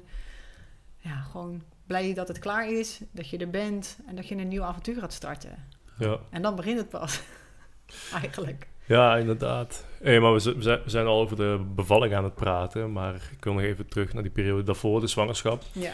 Ehm, is er ook nog iets waar je per trimester rekening mee houdt qua voedingsstoffen? Of, want we hebben het eigenlijk alleen pas over het stukje zon gehad. Ehm, vitamine D en K2. Vitamine D, ja, we hebben het over K2 suppletie gehad en die Ja. injectie. Eh, vitamine D wordt ook vaak geadviseerd te suppleren. Mhm. Eh, jij zegt, is niet nodig als je genoeg zonblootstelling hebt? Nee, de vitamine, zowel vitamine D als vitamine K zijn beide vetoplosbaar. Wat wil zeggen, als jij genoeg zonlicht en vetten tot je neemt, kun je die twee vitamines kun je opslaan in je lijf om het daarna door te geven aan je kind. Maar dan moet je natuurlijk wel dat zonlicht en die vetten zien. Dus eigenlijk zijn die twee het allerbelangrijkst om die gedurende de hele zwangerschap zoveel mogelijk tot je te nemen. Ehm, jij vraagt, is het per trimester belangrijk om iets te eten? Het is zelfs per maand belangrijk om bepaalde dingen meer of minder te eten. En dat komt omdat elke maand een ander deel van je kind gelegd wordt. In het begin is het heel veel zenuwstelsel, darm en brein. Dus dan, ja, dat eerste trimester wil je eigenlijk knallen met zonlicht en vetten. Maar dan wordt er per maand iets anders neergelegd. Ik weet het niet helemaal uit mijn hoofd wanneer welke maand hoor. Maar er is bijvoorbeeld ook een maand waarin het brein het meeste aandacht krijgt. Dat is vooral aan het eind. Ja, dan wil je dus weer heel veel DHA tot je nemen. Want het brein bestaat voor het grotendeel uit DHA. Er is een maand waarin het zenuwstelsel meer gelegd wordt. Ja, dan wil je weer meer omega-3 tot je nemen. Dus per maand zou je zelfs andere dingen moeten eten. Hm. Ja, je kan dus heel ver gaan. Ja. Maar aan de andere kant denk ik dan ook van, hoe, hoe wisten we dat vroeger? Wisten we dat vroeger? Nee, vroeger deden we gewoon wat de natuur ons gaf en aten we datgene wat voorhanden was. Vetten. En je was hele dag buiten. En natuurlijk werden er ook wel wat groentes gegeten. Ligt eraan waar op aarde je was. Hè. Hoe meer je naar de evenaar gaat, hoe meer groente en fruit er is. Hoe meer je van de evenaar afgaat, hoe meer vetten er zijn. Ehm, dus dat ligt er ook aan. Welke afkomst is je kind? Wat ga je meer eten? Waar woon je op aarde? Wat je gaat eten. Dus je wil eigenlijk zoveel mogelijk lokaal eten. Dat wat voorhanden is in het seizoen dat je zwanger bent. Het voordeel nu is dat we weten, als je die vetten gewoon knalt, zeker in Nederland waar altijd vetten voorradig zijn, als we terugkijken naar miljoenen jaren geleden, ja, dan wil je gewoon die vetten knallen, heel de zwangerschap. Met wat nuances hier en daar per maand, waarin je dit wat meer wil doen en dan dat wat meer wil doen, om het zo optimaal mogelijk te laten verlopen. Ja. Ja, het, het viel me eigenlijk direct op toen we hier binnenkwamen. Toen eh kreeg, Ja, ik zat net kreeg aan te jouw, denken. eh, zoontje eh, eh, salm gevoed. Ja, dat was zo'n bijt. Moeten we Ja, even bij zeggen, hoe oud is die? Bijna twee. Bijna twee. Nou, dat heb ik echt nog nooit gezien. En, eh, ja, dat, dat was letterlijk zo'n bijt. Gewoon een stuk Ja. zalm zat hij uit een zijn handje te kluiven. Ja. Ja. ja, die krijgt gewoon eh, voornamelijk alleen maar vetten. Kijk, en nu is het zomer, dus nu krijgt hij er fruit bij. Maar groentes, eh, op pastinaak en zoete aardappel na. Ik denk dat die jongen nog nooit eh, andere dingen heeft gegeten. Ja, Hij weet niet wat het is. ja en ehm, En hij mist er niks aan, want hij groeit gewoon volgens de curves. En zijn waarden zijn allemaal goed. Dus ja, toch zie je dat als je bijvoorbeeld in de supermarkt gaat kijken, dan zie je van die babypotjes, overeet. Nou, Ja. daar kunnen we heel veel over zeggen, maar Mm. vaak zijn dat van die groentehapjes. Hoe kijk je daarnaar? Ja, ik word daar helemaal kriebelig van. Ik merk het meteen. Ik, ben, ik ben zelfs bezig met een nieuw receptenboek eh, om babyhapjes eh, te gaan laten maken. Weet je wel, wat meer vetten erin. Kijk, tuurlijk, groentes hebben voor- en nadelen. Hè, de vezels uit de groentes eh, heb je in mindere mate nodig dan dat je denkt om het watergehalte in die darm wat beter te houden, zodat je eten goed verteerd wordt. Hè. Ze zeggen soms ook wel eens, als je alleen maar vlees en eiwitten eet, is je eten minder verteerbaar. Dat klopt ook als je niet goed gehydrateerd bent. Want je hebt dat water nodig om in die darm af te moeten breken. Dus sommige groentes, en dan heb ik het over nou, in Nederland zoete aardappel, pastinaak, wortelen, uh, die hoek een beetje. Hm. Ja, in de hersenen in de winter geven wij dat ook. Omdat dat dan ook in, uh, om handen is. Omdat dat het verteringssysteem een beetje prikkelt. Maar meer dan prikkelen doet het niet. Alle voedingsstoffen haal je gewoon echt uit die vetten. Dat is meer dan genoeg. Mits je genoeg water drinkt om te kunnen hydrateren. Oké. En ik heb ook wel eens uh, in mijn DM gehad, toen ik het over uh, ja, jouw kookboek had, um, kunnen we het dadelijk ook nog wel even over hebben, dat ja, die kinderen wel alle genen nodig hebben, juist om dat, dat immuunsysteem ja, daarmee te confronteren, zodat ze zich daar weerbaar tegen kunnen maken. Uh, als ik jouw verhaal nou zo begrijp, is dat niet per se nodig. Nee, ja, ja en nee. Kijk, um, je wil, soms wil je gewoon het systeempje even prikkelen. Dus um, kijk, er wordt geadviseerd. Er zijn twee allergenen waar het meest op wordt geadviseerd om die te geven voor het eerste jaar: pindakaas en ei. Nou, bij ei zeg ik top, doen. Bij pindakaas, waar in alle gevallen er schimmel in de pindakaaspotjes zit, ja.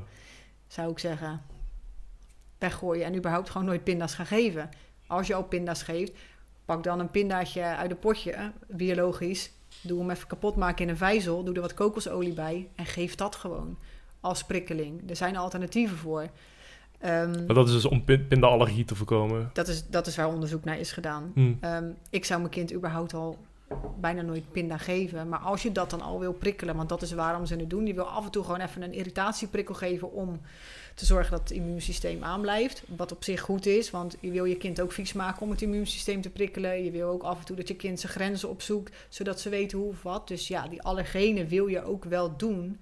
Maar zorg dan dat de kwaliteit van die allergene prikkel die je geeft wel van goede kwaliteit is. Pindakaas uit het potje, ja sorry, komt er hier niet in. Er zit gewoon schimmel in. Wat, wat geef je dan aan je kind? Ellende. Wat voor nog meer ellende gaat zorgen. Heel veel kids die eczeem hebben, ja, pindakaas, ja, vinden ze zo lekker. Ja. Ja. Maar ja, wat doet dat met de darmen? Wat doet het met je darm als die lekt voor je bloed en je immuunsysteem? Ja, dat wil je gewoon niet, weet je wel. Dus als je dan al die allergenen geeft, zorg dan dat de kwaliteit goed is. Dus trap die pinda's zelf kapot, doe er wat kokosolie bij. Nou, dan heb je je pindaatje gegeven. Dan heb je even die allergenen getest, hup, en weer door. En dan die vetten er weer in. Ja, oké, interessant. En ja, misschien dat we nou over kunnen gaan op, um, op het, eh, het kookboek wat je hebt gemaakt. Wat was de naam exact? Robuuste... Recepten voor robuuste uh, baby's en. Ja, Ja. dus dat zegt meteen al mooi voor welke leeftijdscategorie dat is. Want zou je eens de, de strekking kunnen uitleggen van de manier waarop jij nou ja, jouw eigen kids hebt gevoed en waar, waar dat uh, kookboek ook mee helpt? Wat, wat zijn de pilaren? Um, ja, de pilaren zijn, kijk, iedereen wil een gezond kind. Dat is waar je, neemt geen kind omdat je denkt van zo, nou ik wil een kind, ik wil gedoe, ik wil ziekenhuis bezoeken, ik wil uh, een kind wat ziek is. Dat wil niemand. Dus je wil zo goed mogelijk voor je kinderen zorgen op basis van informatie. Dus het eerste deel van het boek wordt geïnformeerd waar we het net over hebben gehad, waarom zonlicht zo belangrijk is, waarom vetten zo belangrijk zijn en wat dat met je systeem doet. Aan de hand daarvan heb ik gewoon een aantal recepten opgebouwd die dus voorzien in die twee pijlers. Dus uh, buiten eten in de zon, zoveel mogelijk vetten, maar wel een beetje leuk maken. Want um, wat je heel vaak ziet ook, is dat die kids dingen niet meer lekker vinden. Je krijgt fases. Eerst vinden ze zalm wel lekker, dan ineens niet. Dus het receptenboek is zo gevarieerd in keus, zodat je als ouder ook kan kiezen: oké, dit werkt nu niet, ik kan nu dat proberen. Dat werkt niet, ik kan dat proberen. Um, er staan bijvoorbeeld ook alternatieven in voor borstvoeding. Als borstvoeding niet lukt, dan gaan mensen al heel gauw over op kunstvoeding. Want het is makkelijk, maar die zit vol met zaadolie. Hm. Die dus ook weer niet top zijn voor je darmen. Waardoor je de gezondheid van je kind manipuleert, letterlijk. Um, en die kun je dus ook anders geven, doordat ze wel voorzien zijn van de juiste vetten, zonder zaadolie. Heel veel mensen weten niet dat het kan. Dus die gaan gewoon alleen naar kunstvoeding. Want ik kan toch alleen kunst- of borstvoeding? Ja, maar je kan het ook zelf maken. Of je kan naar de donorbank, want die bestaat ook. Ehm, dus ja, die, die pijlers van het boek zijn gewoon vetten, een klein beetje vezels. En hoe maak ik dat dan leuk voor een kind? Ja. En behapbaar, letterlijk. Oké, en dan naast ehm, moedermelk en dan melk die je zelf als alternatief, alternatief kan maken, wanneer zou je dan beginnen met het voeden van die vaste voeding aan eh, kids? Ja, dat is een leuke, want die vraag krijg ik inderdaad ook heel vaak in mijn DM. Joh, met 4,5 Ja, maand. die ik hebben wij ook gekregen, Ja, ja. ik merk dat mijn kind al klaar is voor eten. Het vraagt om hapjes. Ja, is dat zo? Of maak jij dat ervan omdat het zo doet? Weet je wel? Als jouw kind volgens de curve groeit en je geeft borstvoeding, en je weet zeker dat jouw borstvoeding van goede kwaliteit is omdat die curve goed gaat, hoef je tot 10 maanden geen hapjes te geven. En 10 maanden klinkt heel lang, maar dat darmsysteem moet ook rijpen. En het eerste jaar heeft elk kind een lekkende darm. Dus hoe langer jij die hapjes kan rekken, hoe minder jij die darm prikkelt en dat ellende het immuunsysteem aan gaat zetten. Dus Eh, eh. tot 10 maanden hoeft dat niet. En een lekkere darm, eh, is dat by design? Is dat de bedoeling? Ja, dat is de bedoeling. Wat is het idee erachter, weet je dat? Ja, het, het grappige is, een kind krijgt een melkgebit. En een melkgebit hebben ze de eerste vier, vijf jaar. Waarom heet het melkgebit, denk je?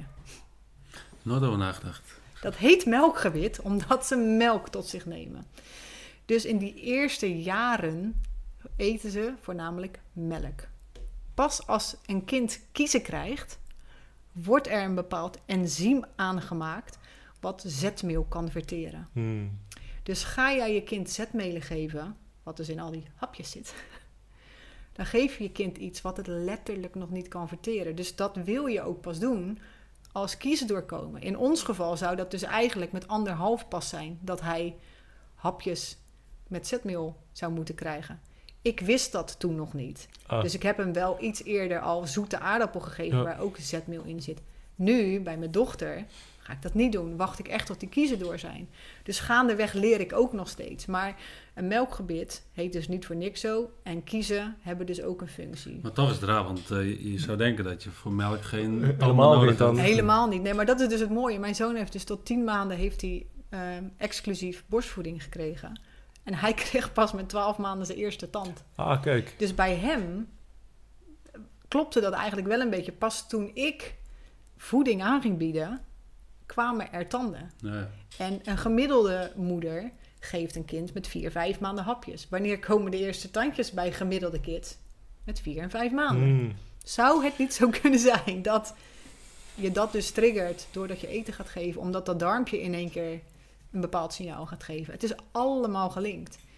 Maar tot die maanden is dat dus echt niet nodig. En dan, wat wij hebben gedaan, is we hebben echt gewoon vlees gepureerd met bottenbouillon. En dat waren zijn eerste hapjes. Dat waren echt geen groentehapjes.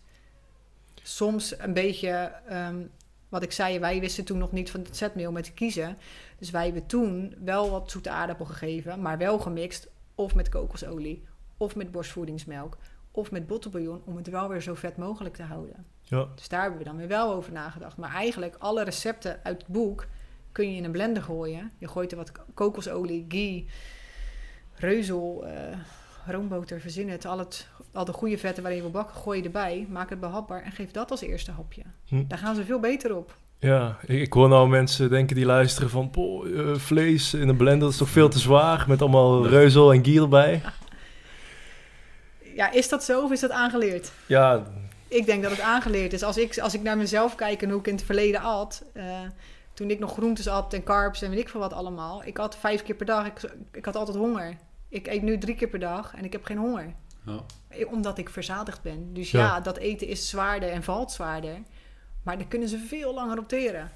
En En hoe smaakt het dan als je, als je vlees naar Hey, het is een echt lekker. vlo- vloeistofje maakt? Ik maak echt geen geintje. Ik heb heel vaak stoofpotjes gemaakt en dat vries ik dan in. En dat gaf ik dan aan mijn schoonmoeder mee als ik eh, moest werken of zo.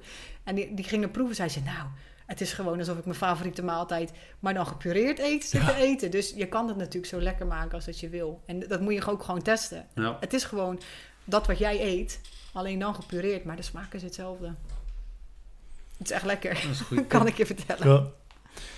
Hey, en ehm, ja, kan je nog wat meer vertellen over wat dan bijvoorbeeld ingrediënten zijn... die veel terugkomen in dat eh, dat dieet wat jij je kids hebt gegeven? Of hoe, die maaltijden eruit zien? Ja, er zijn zeg maar vijf of zes ingrediënten die er standaard in zitten. En niet allemaal, maar zeker twee van de zes zitten standaard in het, eh, in het eten. Dat is orgaanvlees, runderhart of runderlever. Dat is hier echt favoriet. Eigeel, zo rauw mogelijk. Ehm, vis, uiteraard. Dan zo vet mogelijke boters die we erin hebben zitten. Ehm bottenbouillon zit altijd in een van de maaltijden. En rauwe producten. Dus die zes zitten altijd... Rauwe zuivel. Rauwe, ja, sorry, rauwe zuivel. Ja, die zes zitten altijd in een recept. Meestal twee van de zes, soms allemaal. Soms drie van de zes, maar die zes krijgen ze elke dag. Oké. Ja, dat is eh, compleet anders dan wat eh, de gemiddelde baby krijgt, denk ik. De het gemiddelde baby kind. krijgt ehm eigeel, denk ik. Of eiwit, in ieder geval een ei. Ja. Dat is wat ouders wel geven. Eh, en misschien een beetje boter af en toe, waar ze in bakken. Ja. That's it. De rest zie Ja, je bij bijna veel niet. ouders heerst natuurlijk de angst dat vet slecht is. Ja, want cholesterol. Want, Ja, precies. Dus dan ga je je kind niet vetmesten, denk je dan. Nee, maar ja, je kind bestaat dus voor 90% Ja, uit cholesterol. Maar dus, er zit, hmm, toch, ja, zit toch nog eh, van oud, oudsher nog een, ehm, Een angst. een angst, ja. En dat is waar ik het net over had. Alles is gebaseerd op die angstcultuur. Want stel je voor, maar ook het groene boekje wat je meekrijgt. Als je je kind hebt gehad, het groeiboekje. Brood, lekker brood geven. Van het consultatiebureau. Dan krijg je zo'n mooi informatieboekje met... Dit zijn eh, de pijlers die je in de eerste maanden kunt verwachten. Dit in de tweede. Dit is ons eetadvies. Eh, hier hou je bij wanneer welk tandje komt. Dus op zich, het boekje is leuk. Alleen de informatie die erin verschaft wordt, is in mijn optiek achterhaald. Want wat is hun eetadvies bijvoorbeeld? Ja, brood, pindakaas, eh groenten. Eigenlijk die drie het meest. Oké. En dat is dus eigenlijk datgene wat ik dus niet adviseer. Ik adviseer juist om dat niet te doen. Dus ja, ik moet altijd lachen als ik dat boekje opensla. En Ja. ik had nu weer een nieuw, omdat mijn dochter natuurlijk net geboren is. En dan ga ik lezen en dan hoop ik... Oh, zou het eruit gehaald zijn? Ja, natuurlijk niet. Het staat er gewoon in. Elke keer weer datzelfde advies. Ik heb mijn eigen boekje nog uit 1990. Hmm. Exact hetzelfde advies. Jongens, kom op. We zijn 30, 32 jaar verder. 33, sorry. Hoe kan het nou nooit veranderd zijn? Ja. Dat kan, dat kan niet. Wa- Wat, staan, wat staat er nog meer in waar, waar je om moet lachen? Ja, gewoon die, dat brood. Geef je kind... Ja, maar eh, buiten eten staan er nog meer dingen in waar je denkt van... oh, Of, is- of in je, wat er gebeurt bij het consultatiebureau. Want jullie zijn daar dan niet veel geweest, eh, neem ik aan. Nou ja, we, we- zijn gestart bij een consultatie. Even eerst jou. De rest van het boekje is gewoon best oké. Oké. Er staan, weet je, het is best wel leuk, zeker als je als voor het eerst ouder wordt, dat je die tandjes bij kan houden. Dat je een beetje kan lezen wanneer motorisch wat gebeurt. Dus er staat ook wel informatie waarvan ik denk, ja, weet je, dit wil je ook gewoon als ouder lezen. Dus leuk, je kan het bijhouden en je kan het meegeven aan je kind. Van, oké, dit deed jij op die leeftijd. Maar qua voeding, dat kan je eruit scheuren. Of gewoon weg, eh, wegkrassen. Ehm, consultatiebureau, ehm, daar zijn wij, wij, wij gaan daar wel gewoon heen. Alleen wij zijn in eerste instantie gestart bij het reguliere consultatiebureau. Ehm, en daar zijn we twee keer geweest. En op het moment dat er gesproken ging worden over vaccineren, wilden wij vragen stellen en daar kregen we geen antwoord op. Eh, van oké, hoe vaak komt het voor? Waarom geef je dit prikje wel? Waarom die niet? Eh, is er de mogelijkheid om af te wijken van het reguliere? Eh, een kind krijgt in de eerste 14 maanden uit mijn hoofd 11 prikjes. Ja, dat is echt heel veel voor, voor een babytje. En de hoeveelheden zijn, hoeveelheden zijn voor een kind van twee gemaakt. Maar je kind is super klein, dus die krijgt eigenlijk heel veel binnen. Dus wij hadden daar bepaalde vragen over. En daar kregen we geen antwoord op. Dus wij hebben toen na twee consulten bij het consultatiebureau gezegd: Ja, sorry, wij komen niet meer terug. Toen kreeg ik de tip van een vriendin: joh, weet dat er een antroposofisch consultatiebureau is. Die zit iets verder weg, half uurtje voor in de auto. Maar ik dacht: ja, wie niet waagt, wie niet wint, we gaan daar eens even heen. En zij kijken naar het kind als geheel eh, in het universum ehm, en niet als een kind als object. Weet je wel, het is één met de natuur, het is één met het geheel. Eh, dus ik dacht, nou, ik ga daarheen, ik ga dezelfde vragen stellen. En als ik hier gewoon wel antwoord krijg, dan blijf ik hier. Ja, en die antwoorden kregen we daar wel. Dus ik ga wel gewoon naar het consultatiebureau, maar niet die aangestuurd is door de Rijksoverheid. Echt. Want waarom kreeg je geen antwoorden van hen? Nou, we hadden, ze hadden ook geen, geen antwoorden. ik denk dat tweede. Eh, of ze mogen de antwoorden niet geven. Dat kan natuurlijk ook. Eh, wij wilden gewoon weten wat zijn de consequenties van prikjes. Kunnen we prikken eh, splitsen? Weet je, je krijgt soms een cocktail van drie ziektes tegelijk. Ja. Kan ik ervoor kiezen om te zeggen ik doe nu deze en later pas die, om dat immuunsysteem niet te bombarderen. En het enige antwoord wat wij kregen was: ja, ga, of, eh, ga maar naar het Rijksoverheidprogramma, dat moet je volgen. Dit is ons advies. Ja, maar waarom dan? Ja, gewoon doen. Ja, de vraag is dan: geven ze het niet? Of weten ze het niet? Dat laat ik even in het midden. Dat weet ik ook niet. Daar heb ik geen antwoord op. Maar voor ons was dat wel zoiets. Weet je, het gaat om de gezondheid van ons kind. Wij zijn verantwoordelijk.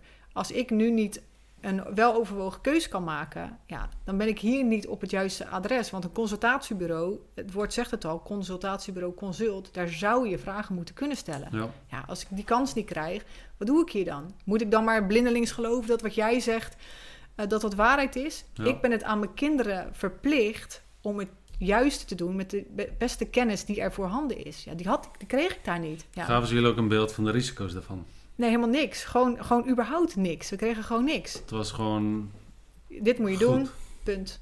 En als je het niet doet, ben je wappie. Werd Maar- letterlijk gezegd. Ja, sinds eh, corona is iedereen ineens wappie. En iedereen twijfelt aan alle vaccinaties. Terwijl ze zeiden, nou wacht even, wij twijfelen niet aan vaccinaties. Want sommige vaccinaties, die doen wat ze moeten doen. Alleen we hebben vragen over de consequenties van vaccinaties. En kunnen we het minder heftig maken dan dat het zou moeten zijn? Ja, en als je daar geen antwoord op kan geven, ja, moet ik dan maar jou op je blauwe, mooie blauwe ogen geloven dat het zo is? Ja. Ja, sorry. ja, dus toen al direct in dat eerste jaar van corona waren er heel veel mensen die gingen twijfelen dat, dat, dat je zulke opmerkingen kreeg. Ja, En zij heeft nooit gevraagd van eh, waarom, waar, waar komt die twijfel vandaan Natuurlijk dan? niet. Nee, want je bent een wappie, want je wijkt af, je bent raar, je bent anders. Ja. Ja, maar hè, meer dan 90% vaccineert inmiddels al niet. Jullie worden een gevaar voor de maatschappij. Hey, hou even op. Ja. Hoezo? Als die vaccinaties werken, hoef je je toch geen zorgen te maken over dat ik vragen, ik, ik überhaupt vragen heb. Hè? Ik, het, was toen nog niet eens duidelijk of wij wel of niet wilden vaccineren. Het wa- Het waren ook hele reële vragen, denk ik. Ja, het waren, ja dat lijkt me wel. In principe wil je weten, werkt het? Nou ja, Ja. dan zeg je, eh, je kan het nog steeds krijgen, hoor je dan? Precies, en stel we doen het niet en mijn kind krijgt die ziekte, is het dan behandelbaar? Ja, daar kon ze allemaal geen antwoord op geven. Of stel mijn kind krijgt het en in het ergste geval wordt het doodziek. Wat zijn dan de consequenties? Het enige antwoord wat wij kregen is van ja, we weten van eh eh, één van die, van die ziektes, en ik weet even niet meer uit mijn hoofd welke dat was, dan kan je kind steriel worden, wat inhoudt onvruchtbaar. Dat zou het ergste zijn wat kon gebeuren, want sterfgevallen kwamen al bijna niet meer voor. Dan denk ik ja. Ja. Kom op. Noem mij maar een wappie dan. Omdat Ja. ik vragen heb. Je mag gewoon geen vragen meer stellen. Je moet gewoon En Merk je volgen. ook echt emoties bij die mensen? Dat ze Oh. eigenlijk vanuit emotie reageren in plaats van dat zij jou consult moeten geven en inhoudelijk moeten reageren? Deze vrouw was direct defensief. Die ging gelijk Ja. een stuk naar achteren met de stoel. De armen gingen zo over elkaar. Hm. Dus heel die lichaamshouding, die zei eigenlijk al... We gaan het hier niet over hebben. Je volgt het stramiem of je gaat maar weg. Nou, we hebben voor het tweede gekozen. Ja, bizar toch? Waar, waar denk je dat dat vandaan komt? Ja, ik denk toch een beetje onwetendheid. Kijk, eh, toen ik nog fysio studeerde, werd mij heel erg geleerd wat ik moest denken. En niet hoe, niet de waarom erachter, niet de andere kant. En ik kan het haar ook niet kwalijk nemen, want waarschijnlijk is zij net zo opgevoed. Dit zijn de regels, die volg je of die volg je niet. En er zijn heel weinig mensen die dan tijdens zo'n opleiding vragen gaan stellen. Die dan zeggen van ja, maar waarom moet iemand dan zo'n ding volgen? Waarom kunnen we niet in gesprek gaan met de voor's en tegens? Dat wordt je niet geleerd op een opleiding. Dus ik kan het haar ergens niet eens kwalijk nemen. Nou, vind ik wel als je eh, puur reageert vanuit emotie. Maar dat zijn haar trauma's die ze op ons projecteert. Kan Ja. ze... Maar zij, zij heeft een baan aangenomen om jou te consulteren om, met advies. En Ja, dat is waar. eh, zij handelt vanuit emotie. Dat is helemaal niet haar taak om vanuit haar emotie en haar trauma's en haar dingen jou advies te geven. Dus eigenlijk kun je dat best wel kwalijk nemen.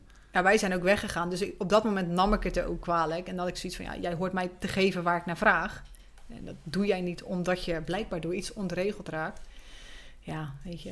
eh, dag. Volgende consultatiebureau waar ik wel mijn antwoorden kreeg. Ja. En daar- wel- wat voor antwoorden kreeg je daar dan? Nou, daar werd bijvoorbeeld wel de, verteld van... oké, weet dat er dus wel een mogelijkheid is om bepaalde prikjes op te breken. Weet dat er een mogelijkheid is dat er dus prikjes zijn... die vanuit Duitsland komen... die geen kwik of aluminium bevatten. Die zijn er. Alleen, dat wordt je natuurlijk nooit verteld. Want als je het Rijksoverheidsprogramma volgt... dan doe je gewoon dat. Maar er is dus een mogelijkheid om vaccinaties te krijgen... zonder aluminium en kwik. Of stel je zou ervoor kiezen om deze en deze en deze prikjes niet te nemen. Ehm, dan kun je er ook voor kiezen om te wachten tot je kind twee is, sterker is, ehm, na de zomer te prikken, waarin dus die voorraden van vitamine D en dat immuunsysteem veel beter Hmm. zijn om die prikjes te verwerken, om dan prikjes te doen. Ook je bloed-breinbarrière gaat na jaar twee dicht. Dus ga jij voor het tweede jaar prikken, dan gaat zo'n ehm, vaccinatie direct naar het brein. Ja, wat voor gevolgen heeft dat op de lange termijn? Ja. Dus er zijn meerdere keuzes en meerdere wegen die je kan bewandelen. Alleen als niemand jou dat op een regulier consultatiebureau vertelt, Maar weet je nou ook wat de functie is van aluminium en kwik? Waarom zij het dan jou kunnen aanbieden zonder, maar dat het in het normale programma erbij zit? Want wat is de functie daarvan? Als de anderen het ook zonder kunnen. korte Aanbieden. antwoord, ellende. Ja, Want het doet iets met je brein. ja het precies. doet iets met je zenuwstelsel. Het doet iets met je darmen. Ehm, er zijn heel veel boeken die je vertellen wat doen. Er zijn ook heel veel studies voor. Het is eh, bijvoorbeeld gelinkt aan ADHD, neuro- eh, of eh, zenuwziektes, ehm, Alzheimer op latere leeftijd. En die onderzoeken die zijn er, alleen die worden je natuurlijk nooit verteld. Ehm, daarom ehm, wilden wij gewoon weten welke opties hebben we. Weet je wel? Er zijn gewoon veel meer opties dan dat je Ja. denkt. En op basis daarvan hebben wij uiteindelijk een keuze gemaakt die voor ons goed voelde. Eh, en niet van volg dit maar. Dus ja, ik zou altijd voor een, eh, een vaccinatie gaan waar in ieder geval geen Ja. aluminium en kwik in zit. Want dat is ook heel grappig. Tijdens een zwangerschap mag je geen vis omdat dat gevaarlijk is, want daar zit ook Ja. kwik in. Maar daarna kan je ineens wel een prikje geven waar het in zit, want dat is dan veilig. Ja. Dus dat, je- ja, ik vind het interessant, want zo'n vrouw zegt dan van... Ja, iedereen is in één keer argwanend geworden. Maar als ik een vrouw tegenover heb die in één keer achteruit gaat... vanuit emoties, handen op elkaar... dan word ik juist extra eh, wantrouwend. En dan denk ik, wat is hier aan de hand? ja, Ja, ja, dat was voor ons de reden om ook gewoon weg te lopen en te zeggen: joh, het gesprek is nu klaar, we gaan ergens anders informatie halen. En op basis van die informatie maken wij een keuze. ja. En, eh, en zodra je kind aangeeft, komen ze ook eh, bij je thuis? Of is dat weer een andere instantie? Hoe bedoel je? Eh, voor, ehm, dan komen ze ook voor testjes bij jou thuis, toch? Na een paar dagen. Hielprik komen ze doen hier. Heel prik, eh gehoortest. Oh, Is dat van hetzelfde bureau of Nee, is dat weer nee dat is hetzelfde bureau. Dus het gehoortest die, doe, die doe je op het consultatiebureau. Dus daar ga je naartoe. Eh, en dan wordt gewoon gekeken, doen de oortjes het? Punt. Eh is een test waarvan ik denk best wel handig om te doen. Zeker als je kind niet goed zou horen, dan gaat het in taal achterlopen en in ontwikkeling en in Ja, maar sociale. je zou er toch snel genoeg achter komen. Dat weet je na één test. Ja, Ja, dat, ja, is, dat is niet helemaal waar. Want ehm, ik heb toevallig een klasgenoot gehad, die was... Vroeger had je dit niet. En die was dus doof aan twee oren. En pas na twee jaar kwamen ze erachter omdat zijn taal achter ging lopen. En omdat hij niet ging praten. Dan ben je twee jaar verder. Buisjes erin en het is opgelost. Dus het geeft geen hele grote complicaties. Maar je kind loopt sociaal gewoon iets achter. Is dat heel erg? Ja, hoeft niet. Nee. Nou ja, ik bedoel ook meer, ik heb ook iemand gesproken die heeft ook eh, dove kinderen. En die zei, die komen dan eh, binnen drie dagen binnen. Eh, En die komen dan jou melden dat jouw kind doof is. Maar ze kunnen dan de eerste maanden eigenlijk helemaal niks doen omdat je baby te jong is. Maar je wordt wel meteen geconfronteerd met het feit dat je kind iets heeft. Nou, dat hebben wij dus nu met onze dochter. Haar rechteroor is niet goed en haar linker wel. Dus wij weten nu, er klopt daar iets niet in dat systeem. Eh, En dat geeft sommige mensen stress Ja, eh, en sommige mensen minder. Eh, ja, ik, ik heb die weg zelf nog niet bewandeld. Dus ik, wij zijn de testen nog niet door. De derde moet nog gedaan worden. Maar ik kan me inderdaad voorstellen dat dat ook onnodig stress geeft. ja, want waarom kan het niet later? Want zoals uh, heel prik, hebben jullie dit gedaan? Die hebben wij uiteindelijk wel gedaan. Ehm, en, Want waar is die voor? Dat is voor heel veel eh auto-immuunziektes om die eh, vroegtijdig op te sporen. En als ze daar nu wat aan doen, eh, dan kunnen ze erger voorkomen. Dus eh, achterstand, motorisch, zenuwaandoeningen. Maar ik heb me daar nog niet goed genoeg in verdiept om te kunnen zeggen, die keuze die doe ik wel of niet. Ehm, wij hebben het wel gedaan omdat wij gewoon wilden weten van, oké, is er sikkelcelziekte? Eh, mijn kindjes zijn niet Nederlands, dus de kans daarop is iets groter. Zijn er andere aandoeningen? Ja, ik vind zo'n prikje in zo'n hiel waar een kind vrijwel niks van merkt, vond ik de overweging dat ik dacht, nou, die ga ik wel doen. Ja, ook mede door de overweging dat, dat jouw kindje niet, of nou ja, de wederhelft niet uit Nederland komt. Of Ja. de familie in ieder geval. Of dat er iets in de familie is waarvan je denkt, ah, dat, dat zit een beetje in de familie, dat wil ik van tevoren afsporen. Ja. Dat was Ja. onze overweging. Ja. Ja, want bij mijzelf, ik zou niet weten wat er bij ons in de familie zit. Dus ik heb er niet echt dat ik zoiets heb van, ah, dat wil ik per se. Nee, nou, dan zou ik het lekker niet doen. Ja. Ja.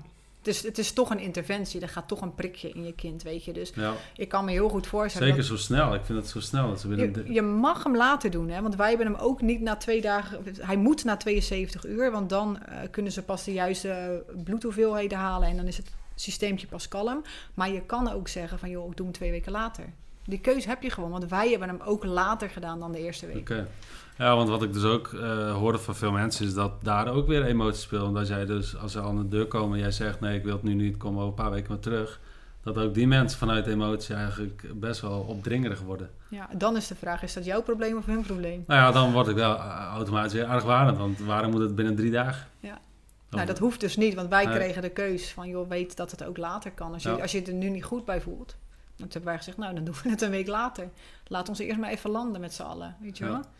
En zijn er nog andere dingen dan die, die in één keer op je pad komen? Hmm.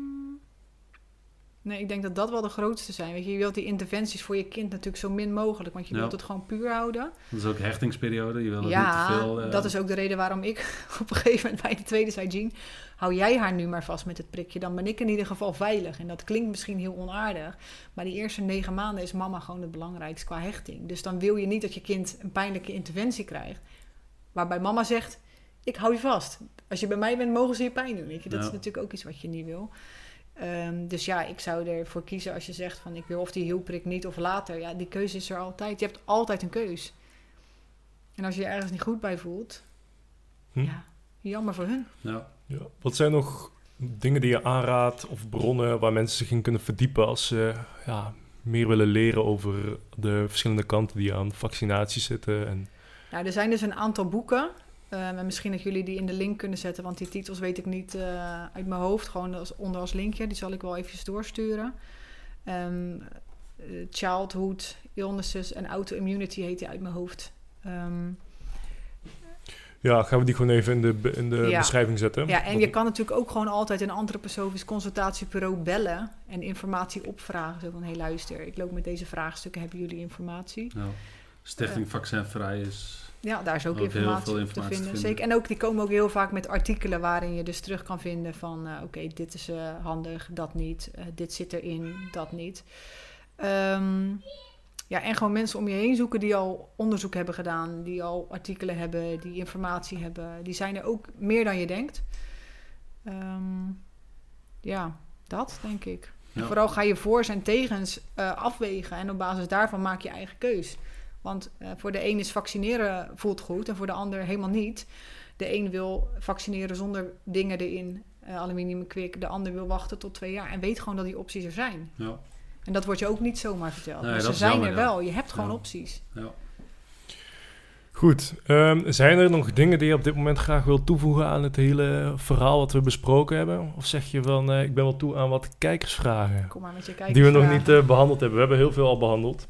Maar dit is nog wel een... Volgens mij noemde je dat net ook, maar dat ben ik niet zeker, want ik was eh, de kijkersvraag aan het openen. Meer informatie over de lotusbevalling. Dat is iets... Oh, dat hebben wij twee keer gedaan. Ja, Ja. Dat, is, dat hangt wel een beetje aan het vitamine K-verhaal.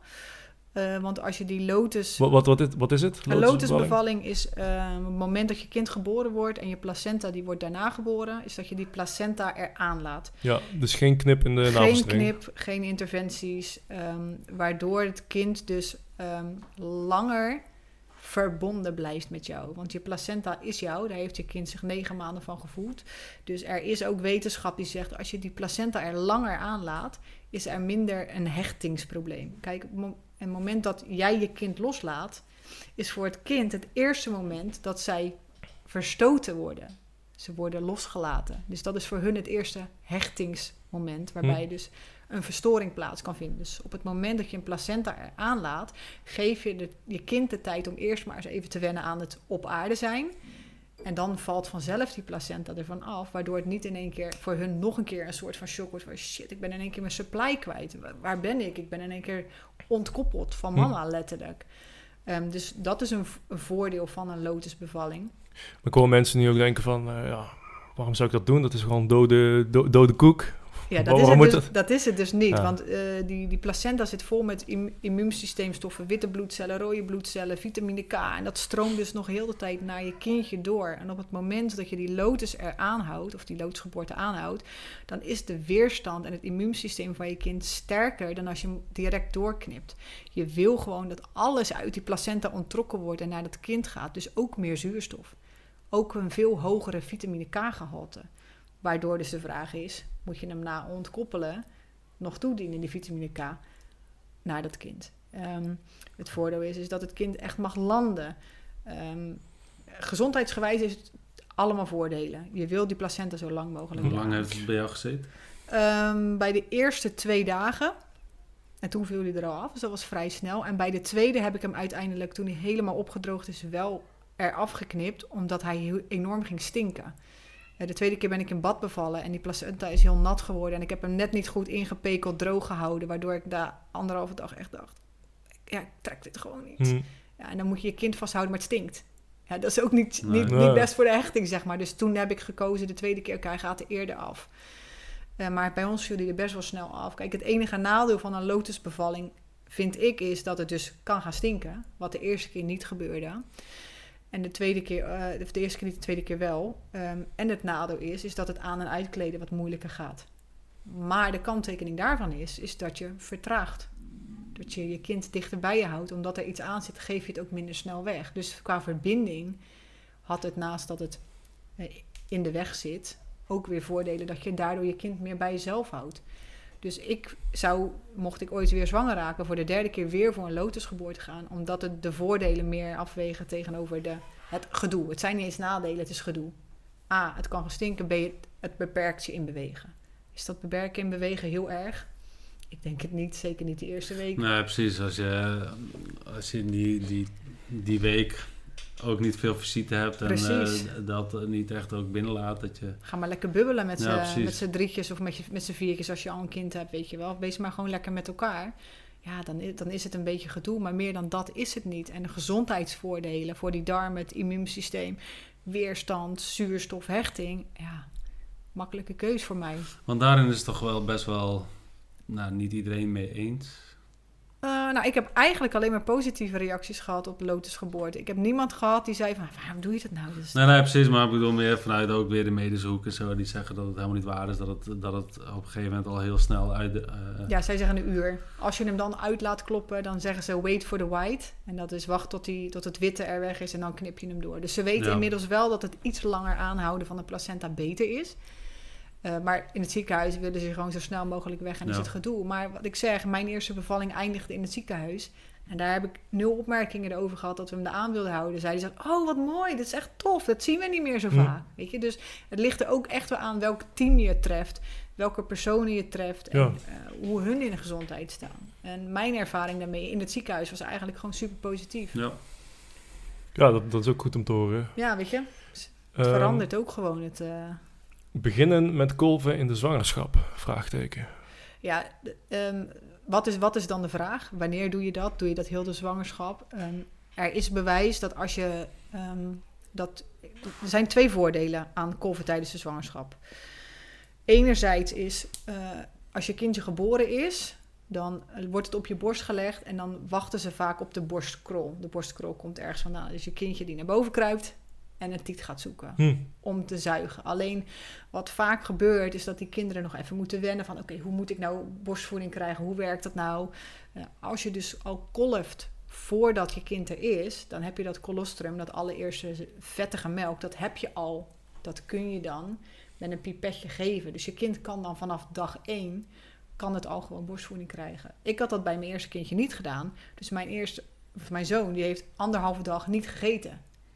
Dat is waarom heel veel kinderen in het begin afvallen. Omdat ze nog aan het zoeken zijn van hoe werkt zo'n borst. Dus als jij van tevoren gaat kolven, dan heb je dus je eigen voeding al.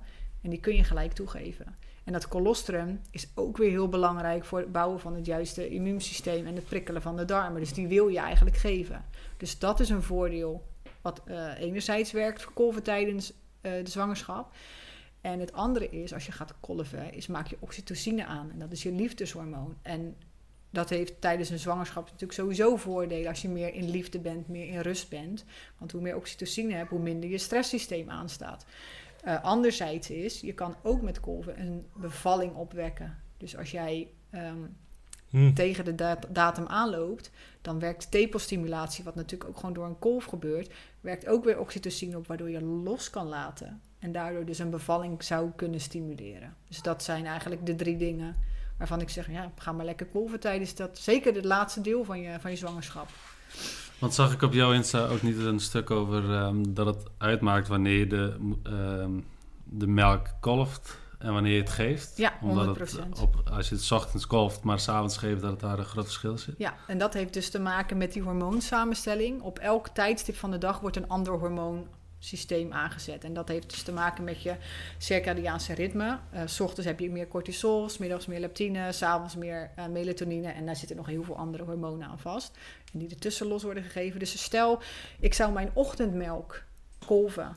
En ik geef die uh, ochtendmelk in de avond aan mijn kind. Ja, wat zit er dus meer in ochtendmelk? Cortisol. Dus wat ga je aan je kind geven in de avond? Een oppepper, alsof je een koffietje geeft. Dus je kind denkt, hey, Dat is interessant, ja is dat handig? Nee, want je bent al moe, je wil slapen s'nachts. Ja. Dus wat wij doen is elke keer als ik kolf, dan zet ik er of een tijdstip bij, of een O, een M of een A of een N. Dan weet ik, oké, in welk domein is dit gekolfd. En als mijn kind dan naar de oppas gaat of het gaat weg en ik kan het niet geven, dan wordt in ieder geval het juiste hormoontje op het juiste tijdstip gegeven, zodat die biologische klok, uh, klok goed blijft. Zodat ik niet s'avonds met een kind zit wat denkt, zo, de dag begint. Ik, uh, weet je, een kind onder de vier maanden heeft geen biologische klok. Die doet het nog niet. Dus als jij dan al heel veel hormoontjes gaat geven die je er wakker houden, ja, dat wil je niet. Dat is, niet, dat is niet, handig. Nee. Dus dat heb je goed gezien. Ja. ja. En dan nog uh, misschien een laatste vraag. Of wilde jij nog een vraag er doorheen gooien? Nee, nee, uh, stel maar. Uh, moet ik aan de microfoon praten? Is het normaal als je kind vaak verkouden is en wat te doen met een ziek kindje? Ja, uh, is het normaal als wij heel, heel, heel, het jaar verkouden zijn? Dat zegt volgens mij wel iets over je gezondheid. Over je ook. tolerantie, uh, over het immuunsysteem, wat blijkbaar aanstaat heel de tijd. Dus nee, een verkouden kind, constant. Ook als het naar de crash gaat, want die krijgen natuurlijk vaak... ja, mijn kind gaat naar de crash, wordt heel de tijd getriggerd door bacteriën. Ja, als jij gezond bent, dan ben jij niet constant verkouden. Uh, een voorbeeld is, ik heb een tijdje zwemles gegeven aan kids. De eerste vier maanden was ik chronisch verkouden daarna niet meer. Hoe komt dat? Ik heb een tolerantie opgebouwd voor al die snottenbellen die het zwembad ingingen. Dus een kind zou ook in het begin van een crashperiode wel verkouden kunnen zijn om dat op te bouwen. Maar dat moet op een gegeven moment immuun worden. Want anders werkt je systeem blijkbaar niet goed en word je dus heel de tijd verkouden omdat je zwakker bent. Dus nee, verkoudheid, chronische verkoudheid bij een kind is niet echt een teken van gezondheid. Hm. Nou, wat doe je daaraan? Ja. Vies laten worden, dus lekker veel buiten spelen. Niet constant die handen wassen als je naar binnen komt. Of als je buiten bent geweest. Of als de modder op heeft gezeten. Um, zelfs na het plassen hoeft dat dus niet. Want je wil af en toe gewoon echt een beetje die viezige prikkel hebben. Wil dat zeggen, moet een kind met pishanden in zijn mond gaan zitten? Nee, daar zijn nuances in. Um, vies worden. Zorgen dat je darmwand, als je denkt dat die lekt, geheeld wordt. Nou, dat doe je dus door vet te eten en dagelijks bottenbouillon. Want bottenbouillon, het collageen, hield je darmwand van binnen. Dus die zou je gelijk kunnen trappen er doorheen. Zoveel mogelijk bottenbouillon. En gewoon weer zoveel mogelijk naar buiten. Dat zonnetje erop. Zodat dus die zon jou heelt. Maar ook de biologische klok weer op het juiste moment een bepaald hormoon afgeeft. Zodat je dus gezonder wordt. Dus die, die drie dingen zou ik doen om ja, in dit geval te zorgen dat die weerstand beter wordt ja. het kind. Zou je bijvoorbeeld ook langer wachten met uh, opvang en zo? Dat een kind eerst thuis, ja, niet iedereen heeft die mogelijkheid. Nee, ja, dat, is lastig. Ja. Um, ik zou er niet per se langer door, voor wachten, maar ik zou wel in de periode voordat mijn kind naar de opvang zou gaan, zoveel mogelijk de bossen ingaan, vies worden. Um, kindjes opzoeken in je eigen omgeving, neefjes, nichtjes. Uh, ja, aanraking met, andere kinderen gewoon wel opzoeken. Is je neefje ziek? Oh, top, ik kom nu naar je toe. Want dan heb ik in ieder geval even die bacillen gehad. Oh, jouw kind heeft de waterpokken? Top, mijn kind heeft hem niet gehad. Ik kom nu naar jou toe. Want ik ga die immuniteit ga gelijk opbouwen. Zoek, zoek de ellende op en zorg dat je kind weerbaar wordt. Maar is er ook een startdatum voor? Nee, ja, geboorte. Jawel? Ja, want eh, een kind vanaf geboorte bouwt het immuunsysteem. En ja, de eerste week wil je het veilig houden. Maar eh, toen onze dochter geboren was, was de verloskundige verkouden. Ja, ze was gewoon welkom. Is mijn kind verkouden geworden? Ja. Is ze dood gegaan? Nee. Maar ze heeft wel gelijk immuniteit voor een bepaald virus opgebouwd. En dat begint gewoon vanaf dag één. Start gewoon gelijk. Niet, niet zo bang zijn. Precies. Dat, dat vooral. Dat is eh, denk ik eh, de take-home. Ja, N- niet te bang zijn. niet te bang zijn. Weet je, je kind kan echt veel meer aan dan je denkt. En zeker qua bacteriën. En eh, als dat immuunsysteem gewoon getriggerd wordt, ja, dan. eh, ja, wat kan je dan? Wat is het ergste kan, kind kan gebeuren? Nou, dan wordt het ziek. Oké, dan wordt het ziek. Dan Ja. moet het even diep graven. Oké, Dat maar is ook wel daarna. het goede, denk ik ook met vaccinaties en zo. Er gaat ei- eigenlijk automatisch vanuit dat als jouw kind ziek wordt, dat het doodgaat. Die kans is zo klein. Ja, precies. En dan maar wordt je kind ziek, Ook doodziek. het idee dat ziek zijn iets heel ergs is. Nee, Tuurlijk heb je bepaalde ziektes. Ja, tuurlijk. Maar- bepaalde ziektes wil je niet hebben. Maar, Maar, een dag ziek of in bed liggen, of, eh, voor jou is dat ook niet per se slecht. nee, dus juist goed. En koorts Ja. is iets goeds. ja, weet precies. je. Dat Ga maar probeer je dan ook eh, te onderdrukken. graaf maar even lekker diep. Ja, En daarna word je sterker. Ziek zijn zorgt ervoor dat je sterker wordt. Punt. ja. Oké, ik denk dat dat, eh, dat een mooie is om mee af te ronden. Tenzij jij nog heel graag iets wilt toevoegen hier aan het einde. Maar ik denk dat we enorm veel besproken hebben. Ja.